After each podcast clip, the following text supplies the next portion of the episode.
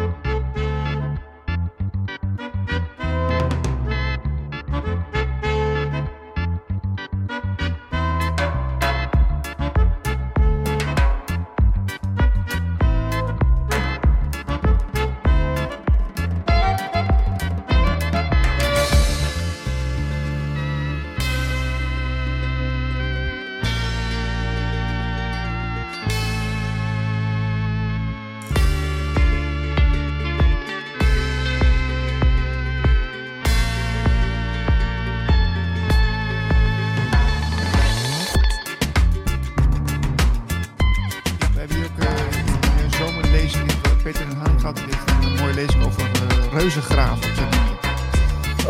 Fantastisch. Ja, ja, die zijn daar inderdaad. Die gaan wij ook bezoeken. Leuk. En eh, de eerste reis, die, eh, eh, ik doe al mijn reizen in het voor- en het naseizoen, zodat het een beetje betaalbaar blijft voor de mensen. En dus ik heb dus drie verschillende reizen in, in juni en drie verschillende reizen in september. En in juni is dus de eerste reis naar Sardinië. Dat wordt een, een onderzoeksexpeditie. Dus dan gaan we met een kleine kern van onderzoekers met meetapparatuur en dergelijke. Eh, want mensen voelen dus heel veel bij die tempels en die torens. En eh, we willen gewoon kijken of dat ook meetbaar is in de vorm van elektrische en magnetische velden. En als mensen klanken maken met de stem, dan eh, merken ze ook allerlei interessante, helende resonanties op in die tempelruimtes. Dus dat eh, willen we ook gaan opnemen en eh, de spectra ervan analyseren en dergelijke. Dus we gaan meten wat we meten kunnen. Ook eh, steruitleidingen willen we naar gaan kijken. Net zoals die Engelse onderzoeker Graham Hancock doet, die dan gaat terugrekenen hoe de, eh, die, die, die de precessiebeweging van de aarde gaat terugrekenen en gewoon als je dus nu geen steruitleiding ziet van een tempelingang, uh, dan kijk je gewoon naar, terug naar het verleden. En uh, hij, komt dus, hij komt dus bij heel veel oude tempelcomplexen, ook op Malta en in Turkije en zo, tot de ontdekking dat die uh, tempels gericht zijn op de, de zon tijdens uh, zonsopgang, op zonsopkomst of zonsondergang tijdens bepaalde zonnewendes, maar ook de ster Sirius, de opkomst van de ster Sirius. Uh, of als die hoog in het zuiden staat of in het westen weer ondergaat. Uh, en allerlei andere uitleidingen. Er zijn ook maanuitleidingen. En dat kun je dus allemaal, zeker die sterren, en dat kun je allemaal terugrekenen. Um, de, aan de hand van de precessiebeweging van de aarde. Want de aarde die, die tuimelt heel, heel langzaam hè, in een rondje. En uh, dat is een cyclus van ongeveer 26.000 jaar. En hij kwam er dus achter dat veel van die tempels, dat die op een belangrijke ster of, uh, of wat dan ook gericht zijn. Uh, uh, zo'n 12.500 jaar geleden. En dan heb je het over het einde van de ijstijd, dus toen het landijs begon te smelten. En dat is in feite, dat is volgens Plato ook de eindtijd van Atlantis geweest. Dus de tweede grote ramp die de laatste resten van Atlantis deed ondergaan, althans grotendeels deed ondergaan. Saskia, en, uh, ja? Saskia, voordat je verder gaat. ja? uh, al die uh, tempels hè, en, en, en uh, structuren die zijn dan uitgelijnd naar bijvoorbeeld Sirius of, of nou, hè, de maan mm -hmm. of uh, wat dan ook. Denk jij dat ze iets met die, toen iets met die energie van die ster hebben gedaan, waardoor, hè, waardoor ze zo uitgelijnd staan? Ja, zeker. Dat, ik, ik vermoed dat, dat oude beschavingen die. Um, dat ze, gewoon, dat ze zeg maar in, in die straal, in die energie gingen zitten. Om contact te hebben met, met die energie. En dat kan voor heling geweest zijn. Het zou zelfs geweest kunnen zijn voor telepathisch contact met een, uh, een, een buitenaardse beschaving op een planeet bij deze of gene ster. Ja, dat zou goed kunnen. Nou, we hebben, ik heb dus onlangs met uh, Leni Redijk een podcast gedaan over dit uh, thema. vooral over de, de Sirius cult, zeg maar, op Malta. En, ja. want zij zat ook in die serie van Graham Hancock. En uh, Leni komt in januari van volgend jaar komt ze bij ons in de show. En dan gaan we, het, gaan we het uitgebreid hebben over Sirius en, en haar onderzoek. Dus, dus voor de mensen die het interessant vinden, um, dat komt eraan. Um, Fantastisch. Ik heb, ik heb Leni inderdaad gezien op Netflix in een van die, in een van die, in die documentaire serie van Graham Hancock. Dus, ja, leuk. Zullen we even officieel beginnen, Marlijn? Dan laten we dat even doen, anders snappen de mensen er helemaal niks van van het hele programma. Nee, inderdaad. Precies. Nou, het is, het is de, onze, onze speciale kerstuitzending. Hè? We zijn op kerst nu, op dit moment. Oh ja, ja. is ook zo. Ja. Heb je nog uh, slingers meegenomen of niet? Nee, ja, ik dacht, uh, heb ik nog ergens zo'n uh, zo'n kerstmanmuts ergens liggen, maar nee, dat heb ik allemaal, heb ik allemaal niet. Nee, nee. Heb, heb, je wel een boom thuis of niet? ook niet, hè? Nee. Oh, nou ja. Nee, ik ben ook nog helemaal niet toegekomen aan kerstversiering. Ik ben druk bezig geweest met het maken van mijn programma voor volgend jaar en het, ook het maken van een nieuwsbrief. dat is net af, dus, uh, dus, dus uh, nu pas heb ik wat meer tijd. Precies. Nou, uh, we gaan beginnen mensen. Iedereen fijn dat je er bent. We zijn, we zijn begonnen met Radio Gletscher. Laatste uitzending van het jaar 2023. En vandaag een hele mooie uitzending met twee hele mooie sprekers. Saskia Bosman, bioloog. Uh, Saskia is heel erg geïnspireerd en ja, uh, is eigenlijk deskundige op het gebied van de pijnappelklier. En uh, geeft er workshops over, lezingen door heel het land. En zij weet ook heel veel over dolfijnen, dus daar kunnen we het ook nog over hebben. Dus Saskia, welkom in de show. Dankjewel. Dat is, uh, is hartstikke fijn om uh, weer in de show te zijn. Eerst was het een interview bij mij thuis en nu uh, online. Nou, gezellig, leuk. Zo is het. Uh, Marlijn, ik ga even naar jou, want, want heb jij zelf wel onderzoek gedaan naar de pijnappelklier voordat wij hier uh, over begonnen? Want ja, je hebt ook best met, spiritualiteit bezig geweest de afgelopen jaren. Wat, wat, wat, is, wat is een beetje jouw basiskennis erover? Ja, ik heb, ik heb ook veel onderzoek gedaan aan de pijnappelklier. Allereerst een heel uitgebreid literatuuronderzoek. En dat stopt natuurlijk nooit, want er blijft gewoon nieuwe informatie gepubliceerd worden over de pijnappelklier. En ik heb zelf ook al een stukje experimenteel onderzoek aan de pijnappelklier gedaan. Jaren geleden aan de VU. Dat heb ik gewoon puur in mijn vrije tijd gedaan als vrijwilliger. Ik was toen al als zelfstandige werkzaam, dus niet meer in dienst van, van die universiteit of een andere universiteit. En um, ik kwam namelijk achter een, uh, een meetmethode aan de hersenen, waardoor je kan kijken naar activiteit diep in de hersenen. En dat is dus niet het gewone EEG, het elektroencefalogram, waar je elektrische activiteit van de hersenen oppikt via metalen plaatjes op de hoofdhuid. Want dan weet je alleen maar de buitenste activiteit van de buitenste paar millimeter van de hersenen.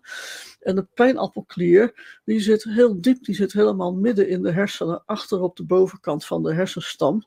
Uh, het hersenstam, dat is die steel, het verlengde van het ruggenmerg, waar al die bloemkolen aan vastzitten. De linker en de rechter hersenhelft en ook de kleine hersenen.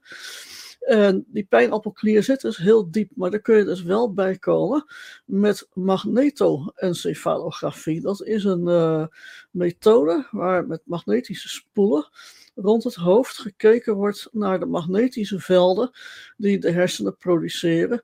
En die komen niet alleen uh, die magnetische velden komen niet alleen van de buitenste paar millimeter van ons brein, maar die komen ook uit de diepte. Dus die komen uit het hele brein vandaan. En als je dan uh, zintuigelijke prikkels toedient, uh, wij uh, hadden vi visuele prikkels, dus lichtknipperingen zeg maar. En we hadden auditieve prikkels, dus piepgeluidjes.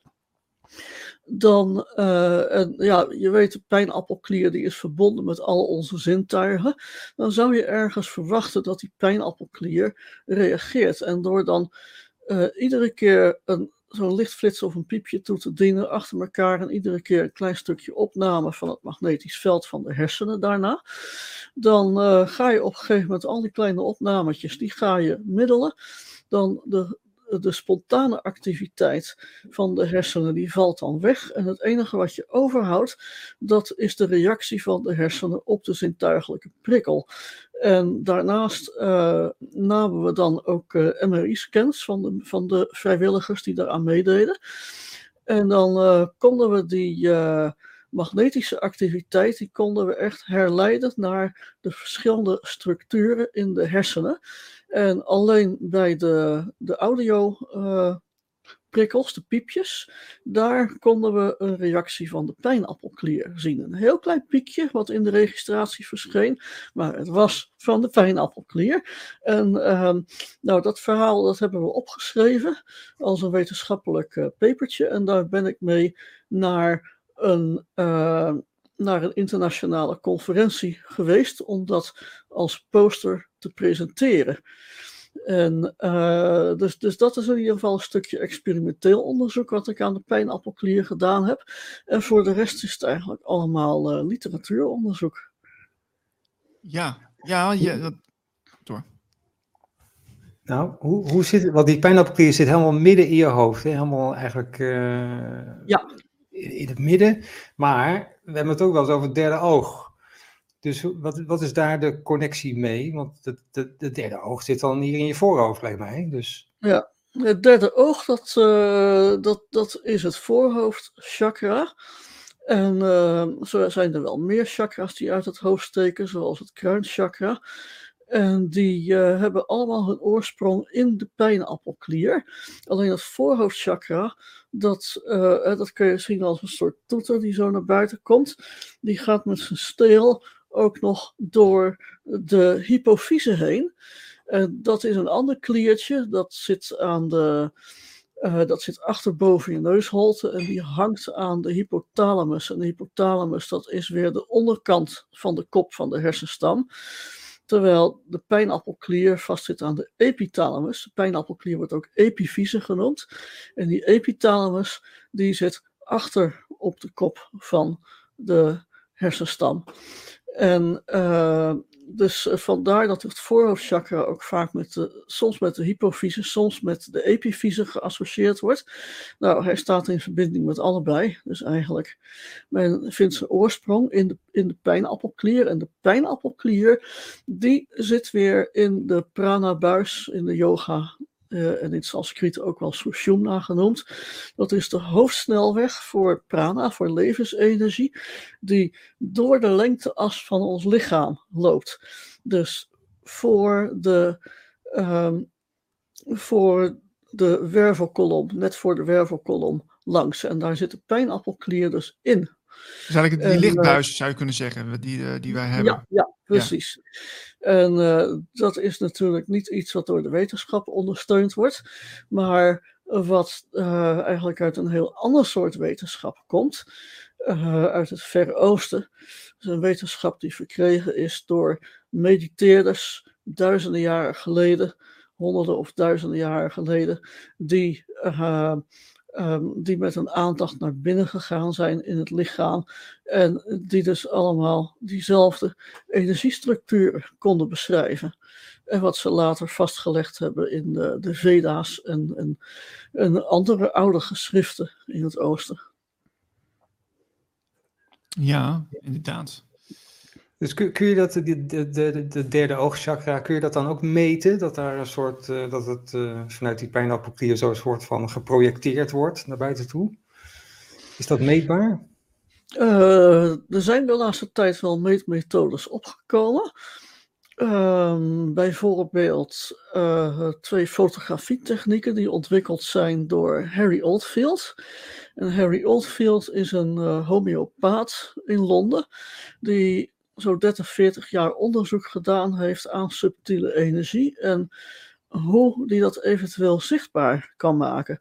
En hij heeft ontdekt dat de subtiele energie, die we dus normaal niet kunnen meten, die we niet kunnen meten met magnetometers, elektrometers en weet ik wat, voor meters die in de laboratoria staan, maar hij ontdekte dat die subtiele energieën, dat die uh, dat die een interactie aangaan met licht, veranderen iets in licht. En daar heeft hij dus twee fotografiemethodes op gebaseerd. En een van die fotografiemethodes werkt via, de, via interferentie. Interferentie is een interactie die lichtgolven met elkaar aangaan. als je een, met zijn methode een mens fotografeert, dan moet je een mooie egale achtergrond hebben, zoals jullie achtergrond, nog niet de achtergrond die ik hier heb, maar de achtergrond die jullie achter je hebben. En dan, ehm, ehm, en dan heb je dus licht dus of licht uit een lamp of daglicht dat op je lichaam valt. Maar je lichaam is zichtbaar voor de camera doordat het, doordat het ook licht terugkaatst. Nou, dat opvallende en teruggekaatste licht, die lichtgolven, die gaan een wisselwerking met elkaar aan. Die versterken elkaar geheel of gedeeltelijk of verzwakken elkaar geheel of gedeeltelijk. Kunnen elkaar zelfs uitdoven. En uh, die, uh, en dat verschijnsel, dat heet in de natuurkunde interferentie. Nou, wat, uh, wat doet uh, die software van Harry Oldfield nou met de camera, een CCD-camera, een digitale camera uiteraard. Net zoals je, als jullie gebruiken, de camcorders, de, de camera in, in mobiele telefoons, et cetera. Maar dat, dat hij maakt van die CCD-chip eigenlijk een. De software maakt van die CCD-chip een interferometer. En uh, die, dus, die dus een foto maakt van de lichtinterferentie. En die lichtinterferentie die laat dus niet alleen uh, SEC alleen maar interferentieverschijnselen zien. Maar die lichtinterferentie is ook beïnvloed door jouw subtiele energie, door jouw aura en ook door jouw chakra's. En die lichtinterferentie wordt dus gemeten door jouw camera. En dankzij de software die op je computer zit. En die, uh, uh, die lichtinterferenties of die veranderingen daarin, die zijn al vertaald in de kleuren zoals die gezien worden door helderzienden. Harry Oldfield heeft in de ontwikkeling van die software samengewerkt, niet alleen met softwareontwikkelaars, maar ook met een groep helderzienden. En dan krijg je op de foto dus de aura te zien met allerlei kleuren en vlekken en lijnen en weet ik wat erin. En ook uh, de chakras met daarin allerlei kleuren en donkere en lichte vlekken en noem maar op. En uh, hij traint dus bij de gebruikers, die traint hij ook in de interpretatie van die beelden, waardoor mensen dus uh, kunnen, ja, kun, kunnen zien wat voor blokkades mensen hebben, uh, wat voor ziektes zich dreigen te ontwikkelen als gevolg van die blokkades, welke ziektes ze al hebben. Het is niet een diagnosemiddel, maar daarmee wordt aangegeven waar het subtiele energieveld in het lichaam mee bezig is. En ziektes die beginnen in het bioveld om ons heen. In de wetenschap wordt er gesproken over bioveld, wordt aura mee bedoeld, ook de chakra's die zich in dat bioveld bevinden. En, en uh, er staan uh, video's op, op YouTube, onder andere waar. Um, waar Harry Oldfield dit, dit dus ook demonstreert. Hij is zelf natuurlijk enorm vaardig daarin. En hij laat dan ook, uh, als hij een uh, presentatie geeft voor een publiek in een zaal, dan pikt hij er een paar mensen uit, maakt daar een foto van, of hij richt de camera erop. En aan de hand van het beeld weet hij dus dingen over die mensen te vertellen, die ze hem niet van tevoren verteld hebben, maar die hij gewoon uit dat aura-beeld en uit die chakra-beelden haalt. Nou, dan heeft hij nog een andere fotografiemethode, die is wat simpeler. Die uh, gebeurt via door een zogenaamd diffractiefilter voor je lens te houden.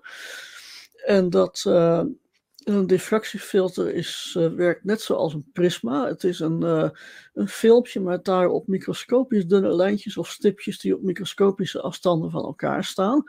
En die breken het licht. Dus je, zoals er wit licht doorheen valt, gewoon daglicht, dan aan de andere kant komen er de regenboogkleuren uit. Nou, en ik heb altijd gedacht van, nou ja, dan krijgt alles gewoon regen, regenboograndjes uh, als je daar doorheen fotografeert en that's it. Maar wat blijkt, uh, dat die kleuren naar voren komen die heel sterk aanwezig zijn in het aura. En, uh, en dat uh, er heeft een tijd een gratis app op, op het internet gestaan die je zo kon downloaden. Die app is helaas weg inmiddels, sinds een paar jaar. En dat is een soort grove versie van de veel verfijndere software die hij gebruikt. En de veel verfijndere, ja. En die software van hem, die interferentiesoftware dan, die, uh, die kost zo'n 3.500 pond. En je moet er ook een training bij volgen. Maar dat gratis appje, dat werkt, op grond van werkt ook op grond van interferentie, is wat grover. Maar die kun je wel heel leuk in de natuur gebruiken.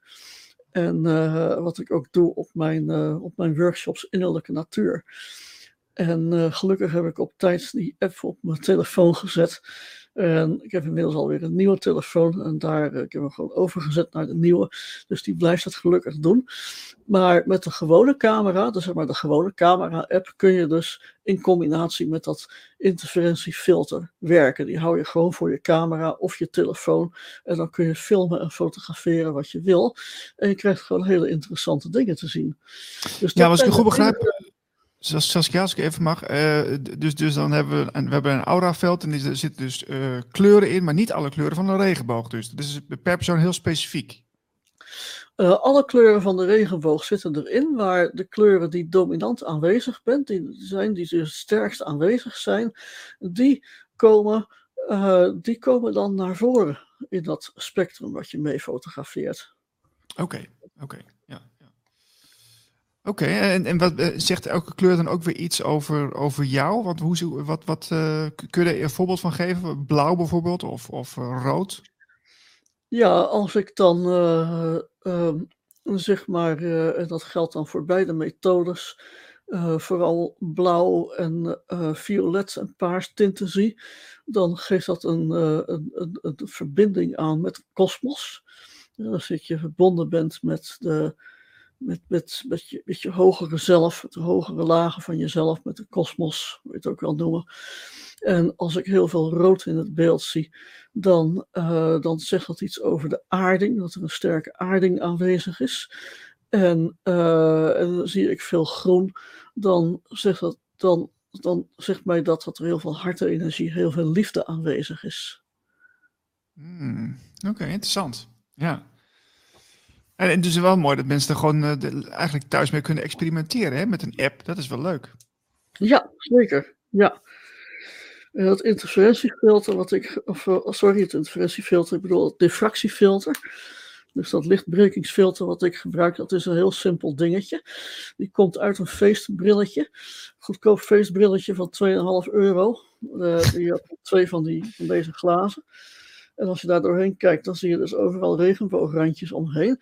Ik heb ook echt een astronomisch uh, diffractiefilter, wat je gebruikt om spectra van sterren te maken. Maar die is weer te verfijnd. Daar, uh, daar kan je niet goed doorheen fotograferen, zeg maar, in onze aardse wereld. Dat is alleen geschikt voor sterspectra. Maar dat grove ding uit het feestbrilletje, dat is er wel heel geschikt voor. Ik zal hem eens voor de grap voor de camera houden. Kijken wat we te zien krijgen. Ja. ja. Ah. Okay. Erg veel rood om mijn hoofd heen. Dus dat geeft wel een sterke aarding aan. ja. En, uh, ja, en, en, juist op deze hoogte, daar, daar zie daar, daar, nou ja, goed, dat heeft ook een beetje met het blauw-groen en paars van mijn kleding te maken. Dat is er ook veel, maar best wel, best wel veel rood wat ik op dit moment zie. Dus, uh, en ik voel me ook best heel geaard. Uh, en ja, waardoor ik ook vrij gemakkelijk en helder ook die, de, de, de, wetenschappelijke aspecten van deze dingen kan uitleggen. Dus, uh, dus, eh, dus dat was even een kleine demonstratie van het diffractiefilter. Uh, op mijn computer heb ik niet dat interferentieprogramma staan, dus die kan ik niet even inschakelen. Maar die staat alleen op mijn telefoon. Oké, oké. Ja, ik heb natuurlijk met jou een interview gedaan over de pijnappelklier. daar, daar is ook al aardig wat in verteld. Um, uh, is misschien toch even goed voor de mensen die dat niet gezien hebben, om even te vertellen, wat, wat doet de pijnappelklier in ons uh, brein? De pijnappelklier die doet van alles voor, om ons gezond te laten functioneren. de pijnappelklier die regelt afwisselend met de hormonen, het waakhormoon serotonine en het slaaphormoon melatonine, ons waak-slaapritme. En het melatonine uh, dat uh, zorgt er ook voor, ook voor, dat ons immuunsysteem blijft werken. En uh, dus stimuleert het immuunsysteem. En melatonine werkt ook als een antioxidant. Melatonine vangt allerlei schadelijke deeltjes, vrije radicalen, in die ontstaan als bijproduct van onze stofwisseling. En die vrije radicalen, dat zijn, dat zijn uh, deeltjes die de neiging hebben om onze grote biomoleculen aan te tasten, ons DNA, RNA, eiwitten, suikers, vetten, etc. En die worden, uh, uh, ons lichaam produceert meerdere natuurlijke antioxidanten. Melatonine is er één van. En die natuurlijke antioxidanten die vangen die vrije radicalen in en maken ze onschadelijk. Dus het dus een gezond waak-slaapritme zorgt er ook voor dat we niet al te snel gaan verouderen. Want oh, uh, vrije radicale schade is een van de grote mechanismes achter veroudering. Juist. Wat, wat, wat gebeurt er nou als die uh, pijnappelklier, eh, zoals ze zeggen, gecalcificeerd is? Wat, wat, wat, wat, wat is dat voor uh, proces? Ja, als de pijnappelklier uh, grotendeels verkalkt raakt, dan is er nog maar heel weinig gezond pijnappelklierweefsel over. En dan krijgt hij moeite om zijn verschillende hormonen aan te maken. Dus mensen met een, een geheel of bijna geheel verkalkte pijnappelklier, die uh, zullen problemen hebben met het, uh, met het waak-slaapritme. Maar als je slaapproblemen of problemen met je waak-slaapritme ondervindt, trek dan niet meteen de conclusie dat jouw pijnappelklier verregaand verkalkt is. Want het kan ook te maken hebben met een verkeerde stimulatie van de pijnappelklier. Uh, als je tot, uh, tot s'avonds laat uh, in fel wit licht zit, de huiskamerverlichting, daar zit een sterke blauwcomponent in, dan denkt de pijnappelklier dat het nog volop dag is. En dan vergeet hij dus om het slaaphormoon melatonine aan te maken, waardoor het lastig wordt om in slaap te vallen en ook lastig om door te slapen. Uh, of als je tot s'avonds laat achter een beeldscherm zit. Die beeldschermen die zenden ook een sterke blauwcomponent uit. Dan denkt de pijnappelklier dus hetzelfde. Uh, die denkt dat s'avonds laat dat nog volop dag is en vergeet het slaaphormoon melatonine te maken. En uh, nou, die lampen, daar is heel eenvoudig wat aan te doen. Steek s'avonds alleen lampen met een warme kleur aan. Eh, dus gelige, oranje, rozige lampen. Dus lampen met een kleurtemperatuur van onder de 2700 Kelvin. En op die beeldschermen, eh, dat, uh, daar, uh, daar is heel eenvoudig een een digitaal blauwfilter uh, aan te zetten of te installeren op de, uh, de computer operating systemen van tegenwoordig. Uh, daar, daar, daar zit al zo'n uh, zo'n digitaal blauwfilter bij in, bij in, die hoef je alleen maar aan te zetten. En anders dan zijn er heel veel gratis digitale blauwfilters verkrijgbaar op het internet en in app stores die je gewoon kan downloaden en aanzetten. Op je telefoon, je tablet, de computer. Uh, met te grote televisieschermen weet ik niet precies hoe het werkt. Ik denk dat, dat, dat die blauwfilters wel te vinden zijn voor televisies die op het internet zijn aangesloten. Uh, en, uh, maar stel, stel nou dat die eh, wel verkalkt is. Hè? Hoe, hoe komt die verkalkt? Waar, hoe komt het, waar komt dat door? Um, dat, komt, dat heeft te maken met de kristalletjes die, in, die zich in de pijnappelkliercellen bevinden. En die kristalletjes die bestaan grotendeels uit calciet. En er zijn ook kristalletjes apatiet en kristalletjes magnetiet en ook nog zeldzamere mineraalkristalletjes die door de pijnappelkliercellen zelf worden afgezet. En die, uh, en uh, die kristalletjes vormen geen enkel probleem, zolang de aangroei ervan niet uit de hand loopt. Het, het gaat om nanokristallen, die dus door onze pijnappelkliercellen zelf worden afgezet van nature. En die groeien in concentrische lagen aan één tot bolletjes.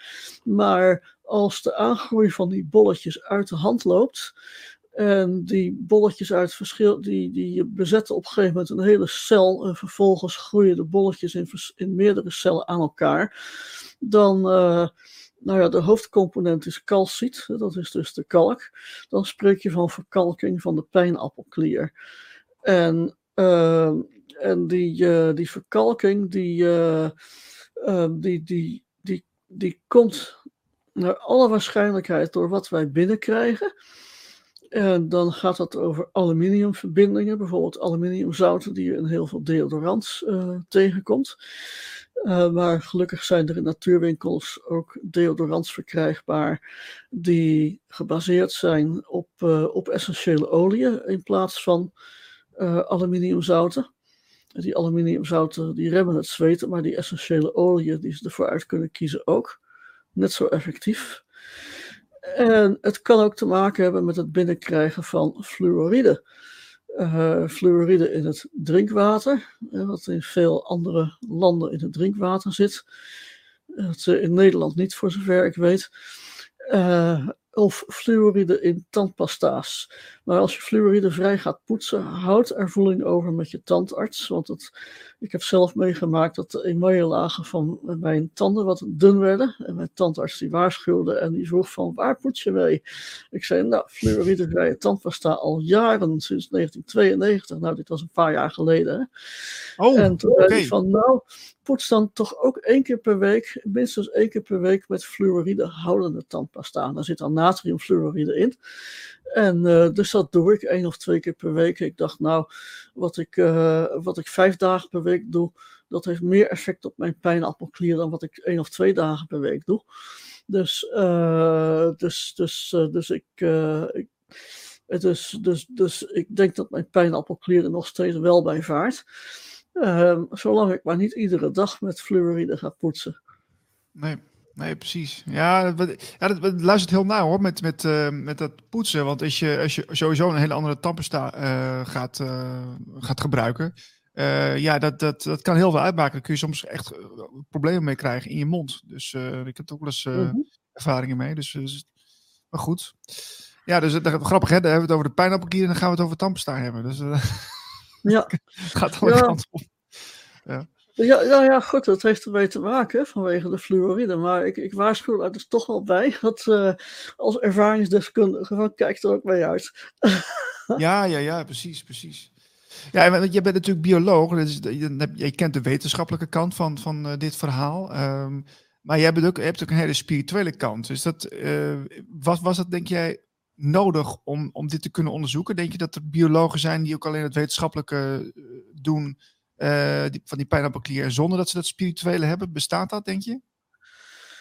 Uh, niet veel, want de, de pijnappelklier, die, uh, wetenschappers die beginnen niet graag aan de pijnappelklier. omdat van, vanwege het esoterische luchtje wat eraan is komen te hangen. En uh, echt waar hoor. Ja, ik heb meerdere hersenonderzoekers gesproken daarover. Maar die, die hebben geen zin om daar uh, een aandacht op te richten. Vanwege de, ja, de, de, de, de, het esoterische luchtje wat aan de pijnappelklier hangt inmiddels. En... Maar ja, je vertelde mij zelfs een verhaal, Saskia, over Dick Swapen, dat je die een keer ontmoet hebt. Die is natuurlijk bekend van het boek Wij zijn ons brein. Nou, die was toch wel ja. heel sceptisch, hè? Ja, zeker. Ja, dat is lang geleden dat ik hem ontmoette. Dat is in de jaren zeventig geweest, dat ik nog op de middelbare school zat. En een excursie organiseerde naar het Nederlands Instituut voor Hersenonderzoek. Uh, dat hij uh, ja, dat hij echt een beetje terugdeinsde van de pijnappelklier. Hij was mooie dingen aan het onderzoeken hoor. Hij was gewoon onderzoek aan het doen aan uh, de hersenontwikkeling van, uh, van, van embryo's. Uh, ja, niet menselijke embryo's, maar hij was naar kuikens aan het kijken. Maar, maar ja, nee, nee, de pijnappelklier, daar deinsde hij toch echt van terug. Dat, dat, en ik denk dat het ook komt doordat de toen al gepensioneerde professor uh, Arians Kappers, die, uh, uh, die, die, die, die het, het Herseninstituut heeft opgericht die, uh, die, uh, die, was, die was toen de pijnappelklier al aan het koppelen aan esoterische kennis uit het Verre Oosten. De kennis over chakra's, over de prana-stromen en noem maar op. En die had daar ook prachtige artikelen over geschreven in de jaren zeventig in het tijdschrift Prana. Twee artikelen, waarvan de eerste ging over de puur fysiologische functies van de pijnappelklier. En de tweede, in het tweede artikel werd het gekoppeld aan diep esoterische Oosterse kennis. En dat vond ik machtig interessant. En sindsdien, ik was toen een jaar of 16, 17, sindsdien liet die pijnappelklier mij niet meer los. En, uh, en, uh, en ben ik me gaan verdiepen in de pijnappelklier. Ik was toen al enorm geïnteresseerd in uh, het menselijke brein, het menselijke bewustzijn.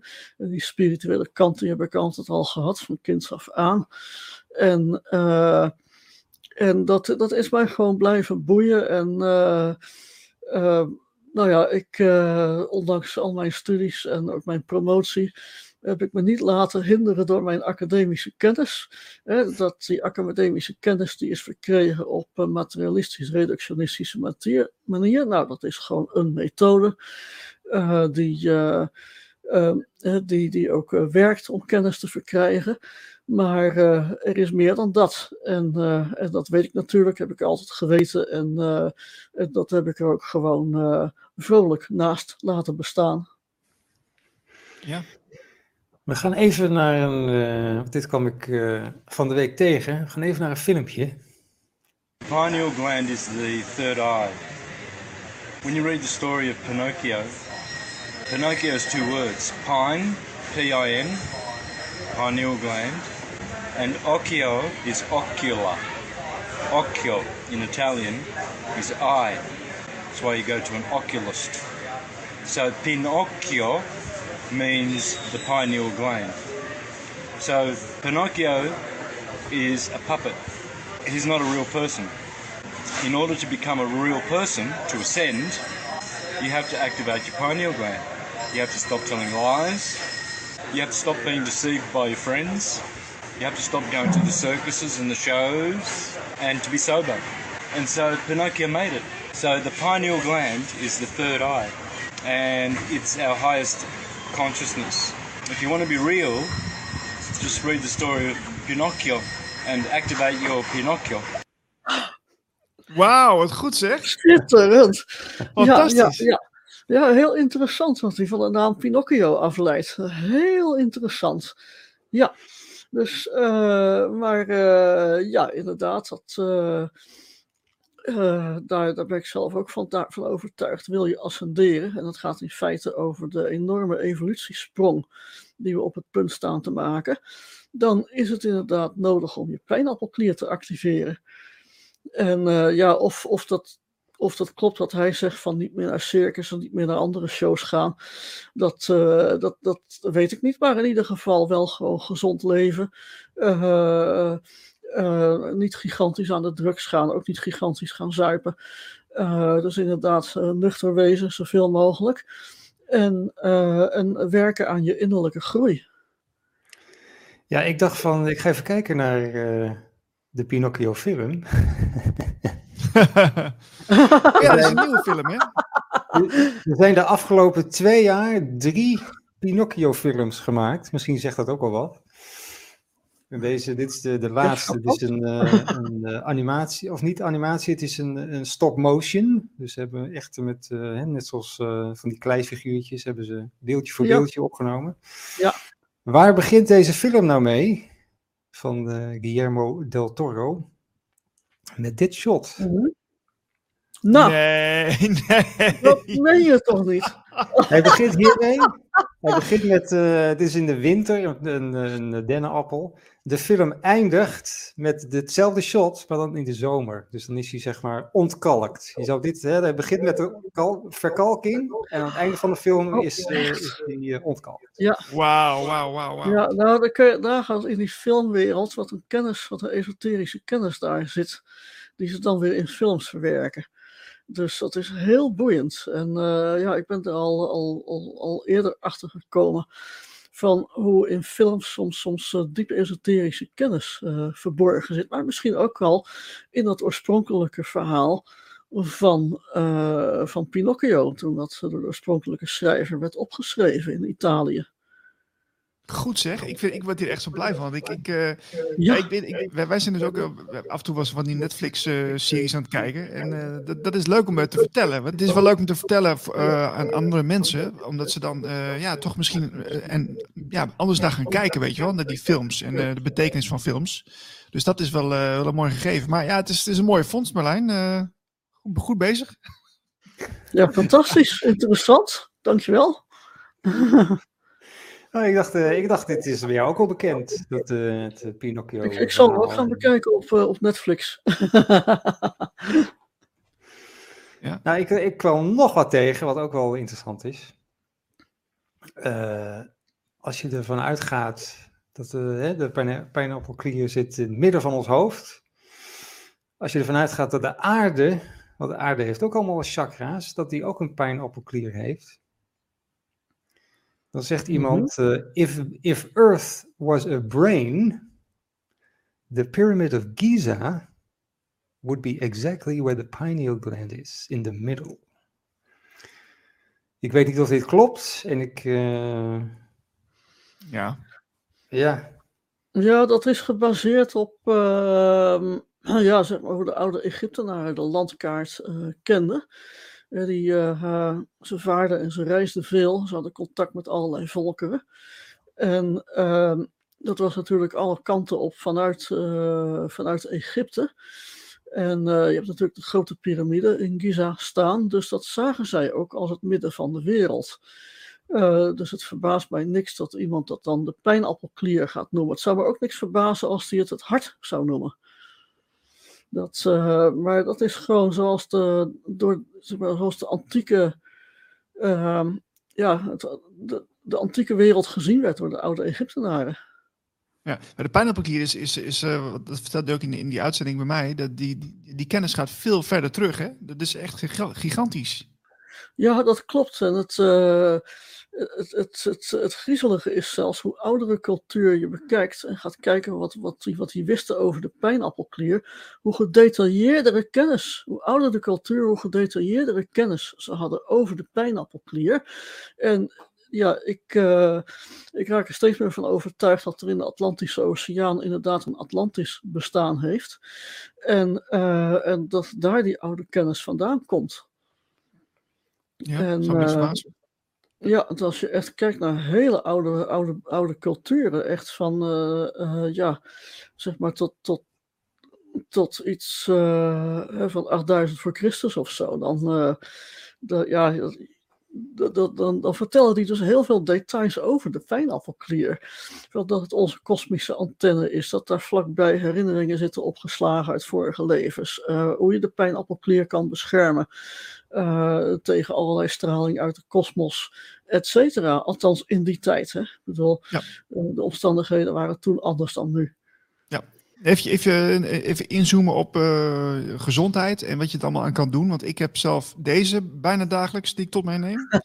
Uh, ik, ik, weet dat dat goed is voor de pijnappelklier. Uh, kun je nog wat, wat, wat, wat, ja, wat etenswaren noemen die goed zijn? Ja, het is, die banaan die is heel goed. Want het is een van de voedingsmiddelen waar de hoogste concentraties tryptofaan in zit. En uh, tryptofaan, dat is een aminozuur. Uh, aminozuren zijn bouwstenen van onze eiwitten. Maar de pijnappelkliercellen die bouwen dat tryptofaan niet alleen in, in eiwitten, maar zetten het ook om in alle hormonen die de pijnappelklier produceert. Nou, een, uh, een, andere, een ander voedingsmiddel waar hoge concentraties tryptofaan in, in zitten, dat zijn noten. En ook pinda's. Pinda's zijn officieel geen noten, maar peulen. Maar daar zit ook heel veel tryptofaan in, pinda's, pindakaas, noem maar op. En, uh, en uh, verder in veel uh, granen en, en in linzen. En ook in gevogelte en in schaal- en schelpdieren en vis uit de zee. Kijk, ja. Dus heel veel voedingsmiddelen waar veel tryptofaan in zit. Dus als je je, ja, je pijnappelklier goed wil voeden met tryptofaan, dan hoef je er helemaal niet voor op dieet te gaan. Alleen maar een beetje meer nadruk leggen op die tryptofaanrijke voedingsmiddelen. Hebben walvissen en dolfijnen ook een uh, pijnappelklier? Jazeker, er wordt in de wetenschappelijke literatuur beweerd dat het pijnappelklier bij dolfijnen niet altijd terug te vinden is, maar ongetwijfeld wel wat pijnappelklierweefsel. Maar aan de andere kant heb ik ook gelezen dat, dat er ooit ergens een blauwe vinvis aanspoelde. En uh, blauwe vinvissen, dat zijn de grootste walvissen die er zijn. Ook sowieso het grootste zoogdier dat ooit op aarde geleefd heeft. En daar hebben ze een pijnappelklier in de kop aangetroffen, zo groot als een basketbal. Zo. Oké. Ja. Uh, even, even Niels, heb jij Avatar gezien? Nog niet. Dat gaat zeer binnenkort gebeuren. Nou, wat ik, ik heb hem ook niet gezien nog, maar uh, wat ik dus hoorde over, die zal ik ook even erbij halen dan, voor, voor het beeld. Voor het beeld. Uh, het schijnt zo te zijn dat in deze film gaan ze dus, uh, de, de mens gaat dus naar Pandora, naar die planeet toe. Voor, waarvoor? Voor de walvissen.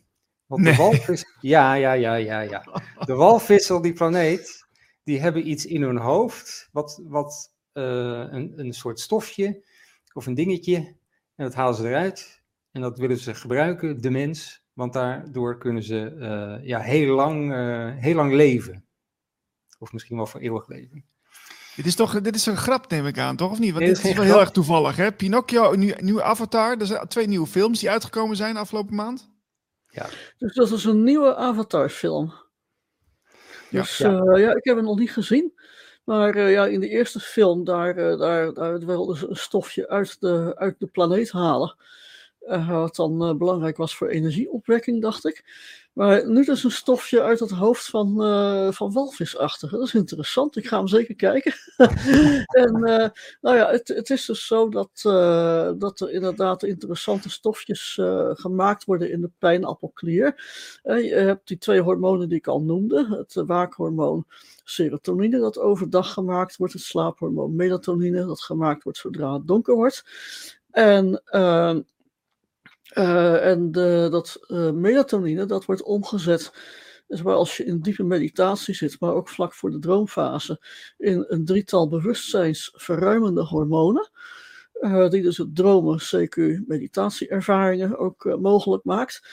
En, en, en, nu is het zo dat mensen die echt, dat zie je veel bij, bij Oosterse mediteerders gebeuren, yogis, monniken, nonnen, die uh, ja, die, heel diep in meditatie zitten, heel lang in een heel gelukzalige staat.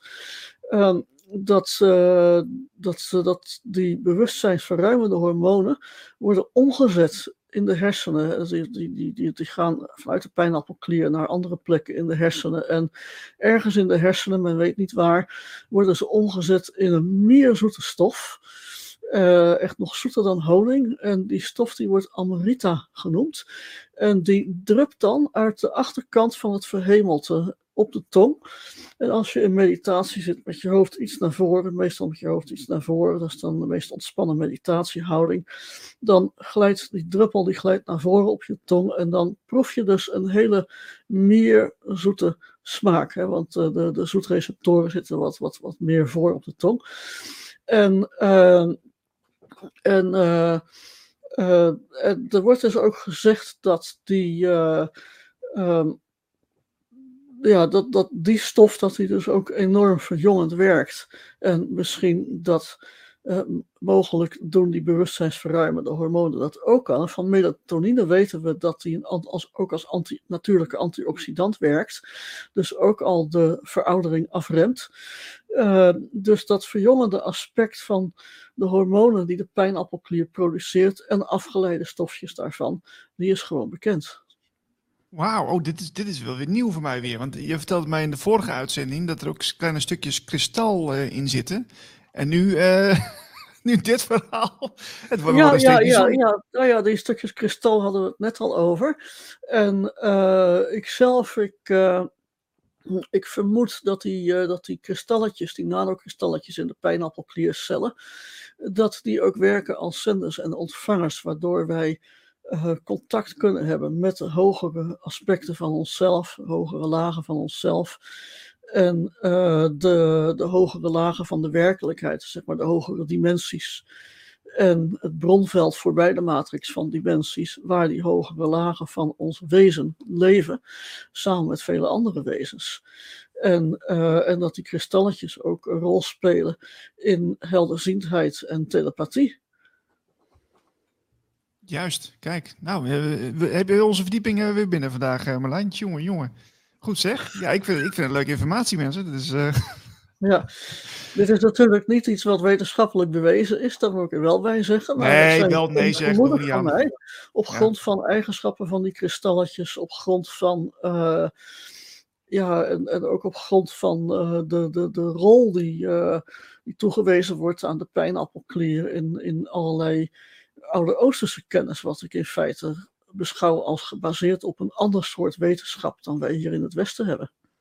Ja, je, je vertelde mij ook dat er, dat er een soort navigatie, um, of ja, een soort, soort, dat er een soort veld, velden kunnen gedetecteerd worden met, met, uh, met, met iets wat in ons, onze pijnappelklier zit. Uh, had ik dat goed begrepen? Of?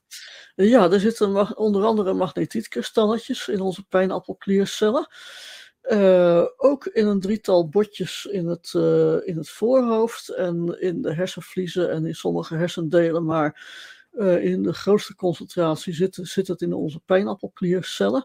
En daarmee kunnen we ons oriënteren op het aardmagnetisch veld. Nou, dat is iets wat wij mensen over het algemeen niet meer doen. Het is een oud vermogen wat wij hebben, wat we weer kunnen activeren als we willen. Maar dat wij in de oertijd wel waarschijnlijk wel gebruikt hebben toen we nog in de natuur, helemaal in de natuur leefden en in de bomen zaten en zo. En, uh, uh, en door het landschap trokken en dan moesten we ons kunnen oriënteren. Maar je ziet het bij heel veel andere diersoorten terug. Je ziet het, je ziet het bij allerlei zoogdieren, je ziet het ook bij vogels, je ziet het bij, bij, bij uh, uiteraard ook bij walvisachtige, je ziet het bij vissen. Die, uh, die hebben ook allemaal een pijnappelklier met daarin kristalletjes, waaronder magnetiet. En die oriënteren zich ook op het aardmagnetisch veld. Ja, ik, ik, wil, wil even naar de, de walvissen. Want uh, de, ja, daar kunnen we waarschijnlijk nog heel lang over doorpraten. Maar ik wil toch even weten, jij organiseert daar reizen voor, of dat je dus samenkomsten hebt met mensen om te communiceren met walvissen, hè? Ja, inderdaad. Uh, dat zijn. Uh, en uh, bijvoorbeeld het zwemmen met dolfijnen in de Azoren. En die, die twee reizen, daar, nou, daar wordt op, op dit ogenblik druk op ingeschreven. Dus als je mee wil, schrijf nu in. Het is nu inschrijven, later betalen. En die, die reizen naar de Azoren. daar, ja, als je, als je dan in de boot zit al en je ziet dus om je heen dolfijnen en walvissen. Nou, dat doet al heel veel met iedereen. Zelfs met de meest, meest nuchtere mensen. En, uh, en helemaal als je in het water zwemt met dolfijnen. Dat, uh, en ze richten ook nog eens een keer de sonar op je. Uh, echt zo'n smalle geluidsbundel. Die je, dan, die je dan als een warmte gaat voelen in je lichaam. dat dat, uh, je, je, je hoort dat als een soort ratelgeluid. En, uh, en, maar het is niet alleen hoorbaar geluid, het is ook ultrageluid. Dus geluid dat qua toonhoogte boven onze gehoorsgrens ligt. Dat gedeelte, dat ga je dus voelen als warmte in je lichaam. Nou, die hele ontmoeting met dolfijnen, nieuws, nieuwsgierigheid waarmee ze naar je toe komen, dat, dat doet echt iets, iets op, op een heel diep niveau met je. En uh, daar word ik er wel bij zeggen dat we het dat, dat die ontmoetingen en, en uh, uh, zwempartijen met dolfijnen, dat we dat op een hele verantwoorde manier doen, altijd onder leiding van zeebiologen die bij de lokale tour operator werken. En die dus voor zorgen dat we de dolfijnen niet overbelasten en dat we alleen met ze gaan zwemmen als zij ook met mensen willen zwemmen. Maar goed, in ieder geval mensen die voelen dat er iets gebeurt, zeg maar, in, tijdens zo'n tijdens zo'n uh, reis. Uh, we, we, verdiepen het een en ander ook nog door middel van meditaties en door, ook doordat ik informatie geef aan de groep. het zijn kleine groepen, groepen van acht. En, en dat dan, dan, dan is het vaak zo aan het, dat op de laatste dag dan evalueren we even hoe, hoe is de reis geweest voor iedereen. En dan en sommige mensen zeggen van nou echt een diepgaande ervaringen, prachtig mooi. En dan zijn er ook al mensen bij die zeggen van nou ja, het was wel leuk als zwemmen dolfijnen, maar ik heb niet zoveel gemerkt. Maar spreek je ze een aantal maanden later of een half jaar later, dan blijkt iedereen's leven gewoon 180 graden omgegaan te zijn. Dus oh. het heeft dan levensveranderend gewerkt. Dus op een of andere manier. Um, er was één vrouw in de, in, de, in, in, de reis van begin juni, die zei uh, dit jaar, die zei van, uh, ik, ik voel dat ik codes heb opgehaald. Uh, maar in feite heeft iedereen codes opgehaald. Er is gewoon iets overgedragen door die walvisachtige, de dolfijnen die we, we, waar we mee gezwommen hebben, de walvissen die we vanuit de boot gezien hebben, die, die, die, die zenden iets uit wat opgevangen wordt, heel diep in onze cellen. En dat gaat in de maanden daarna gewoon werken.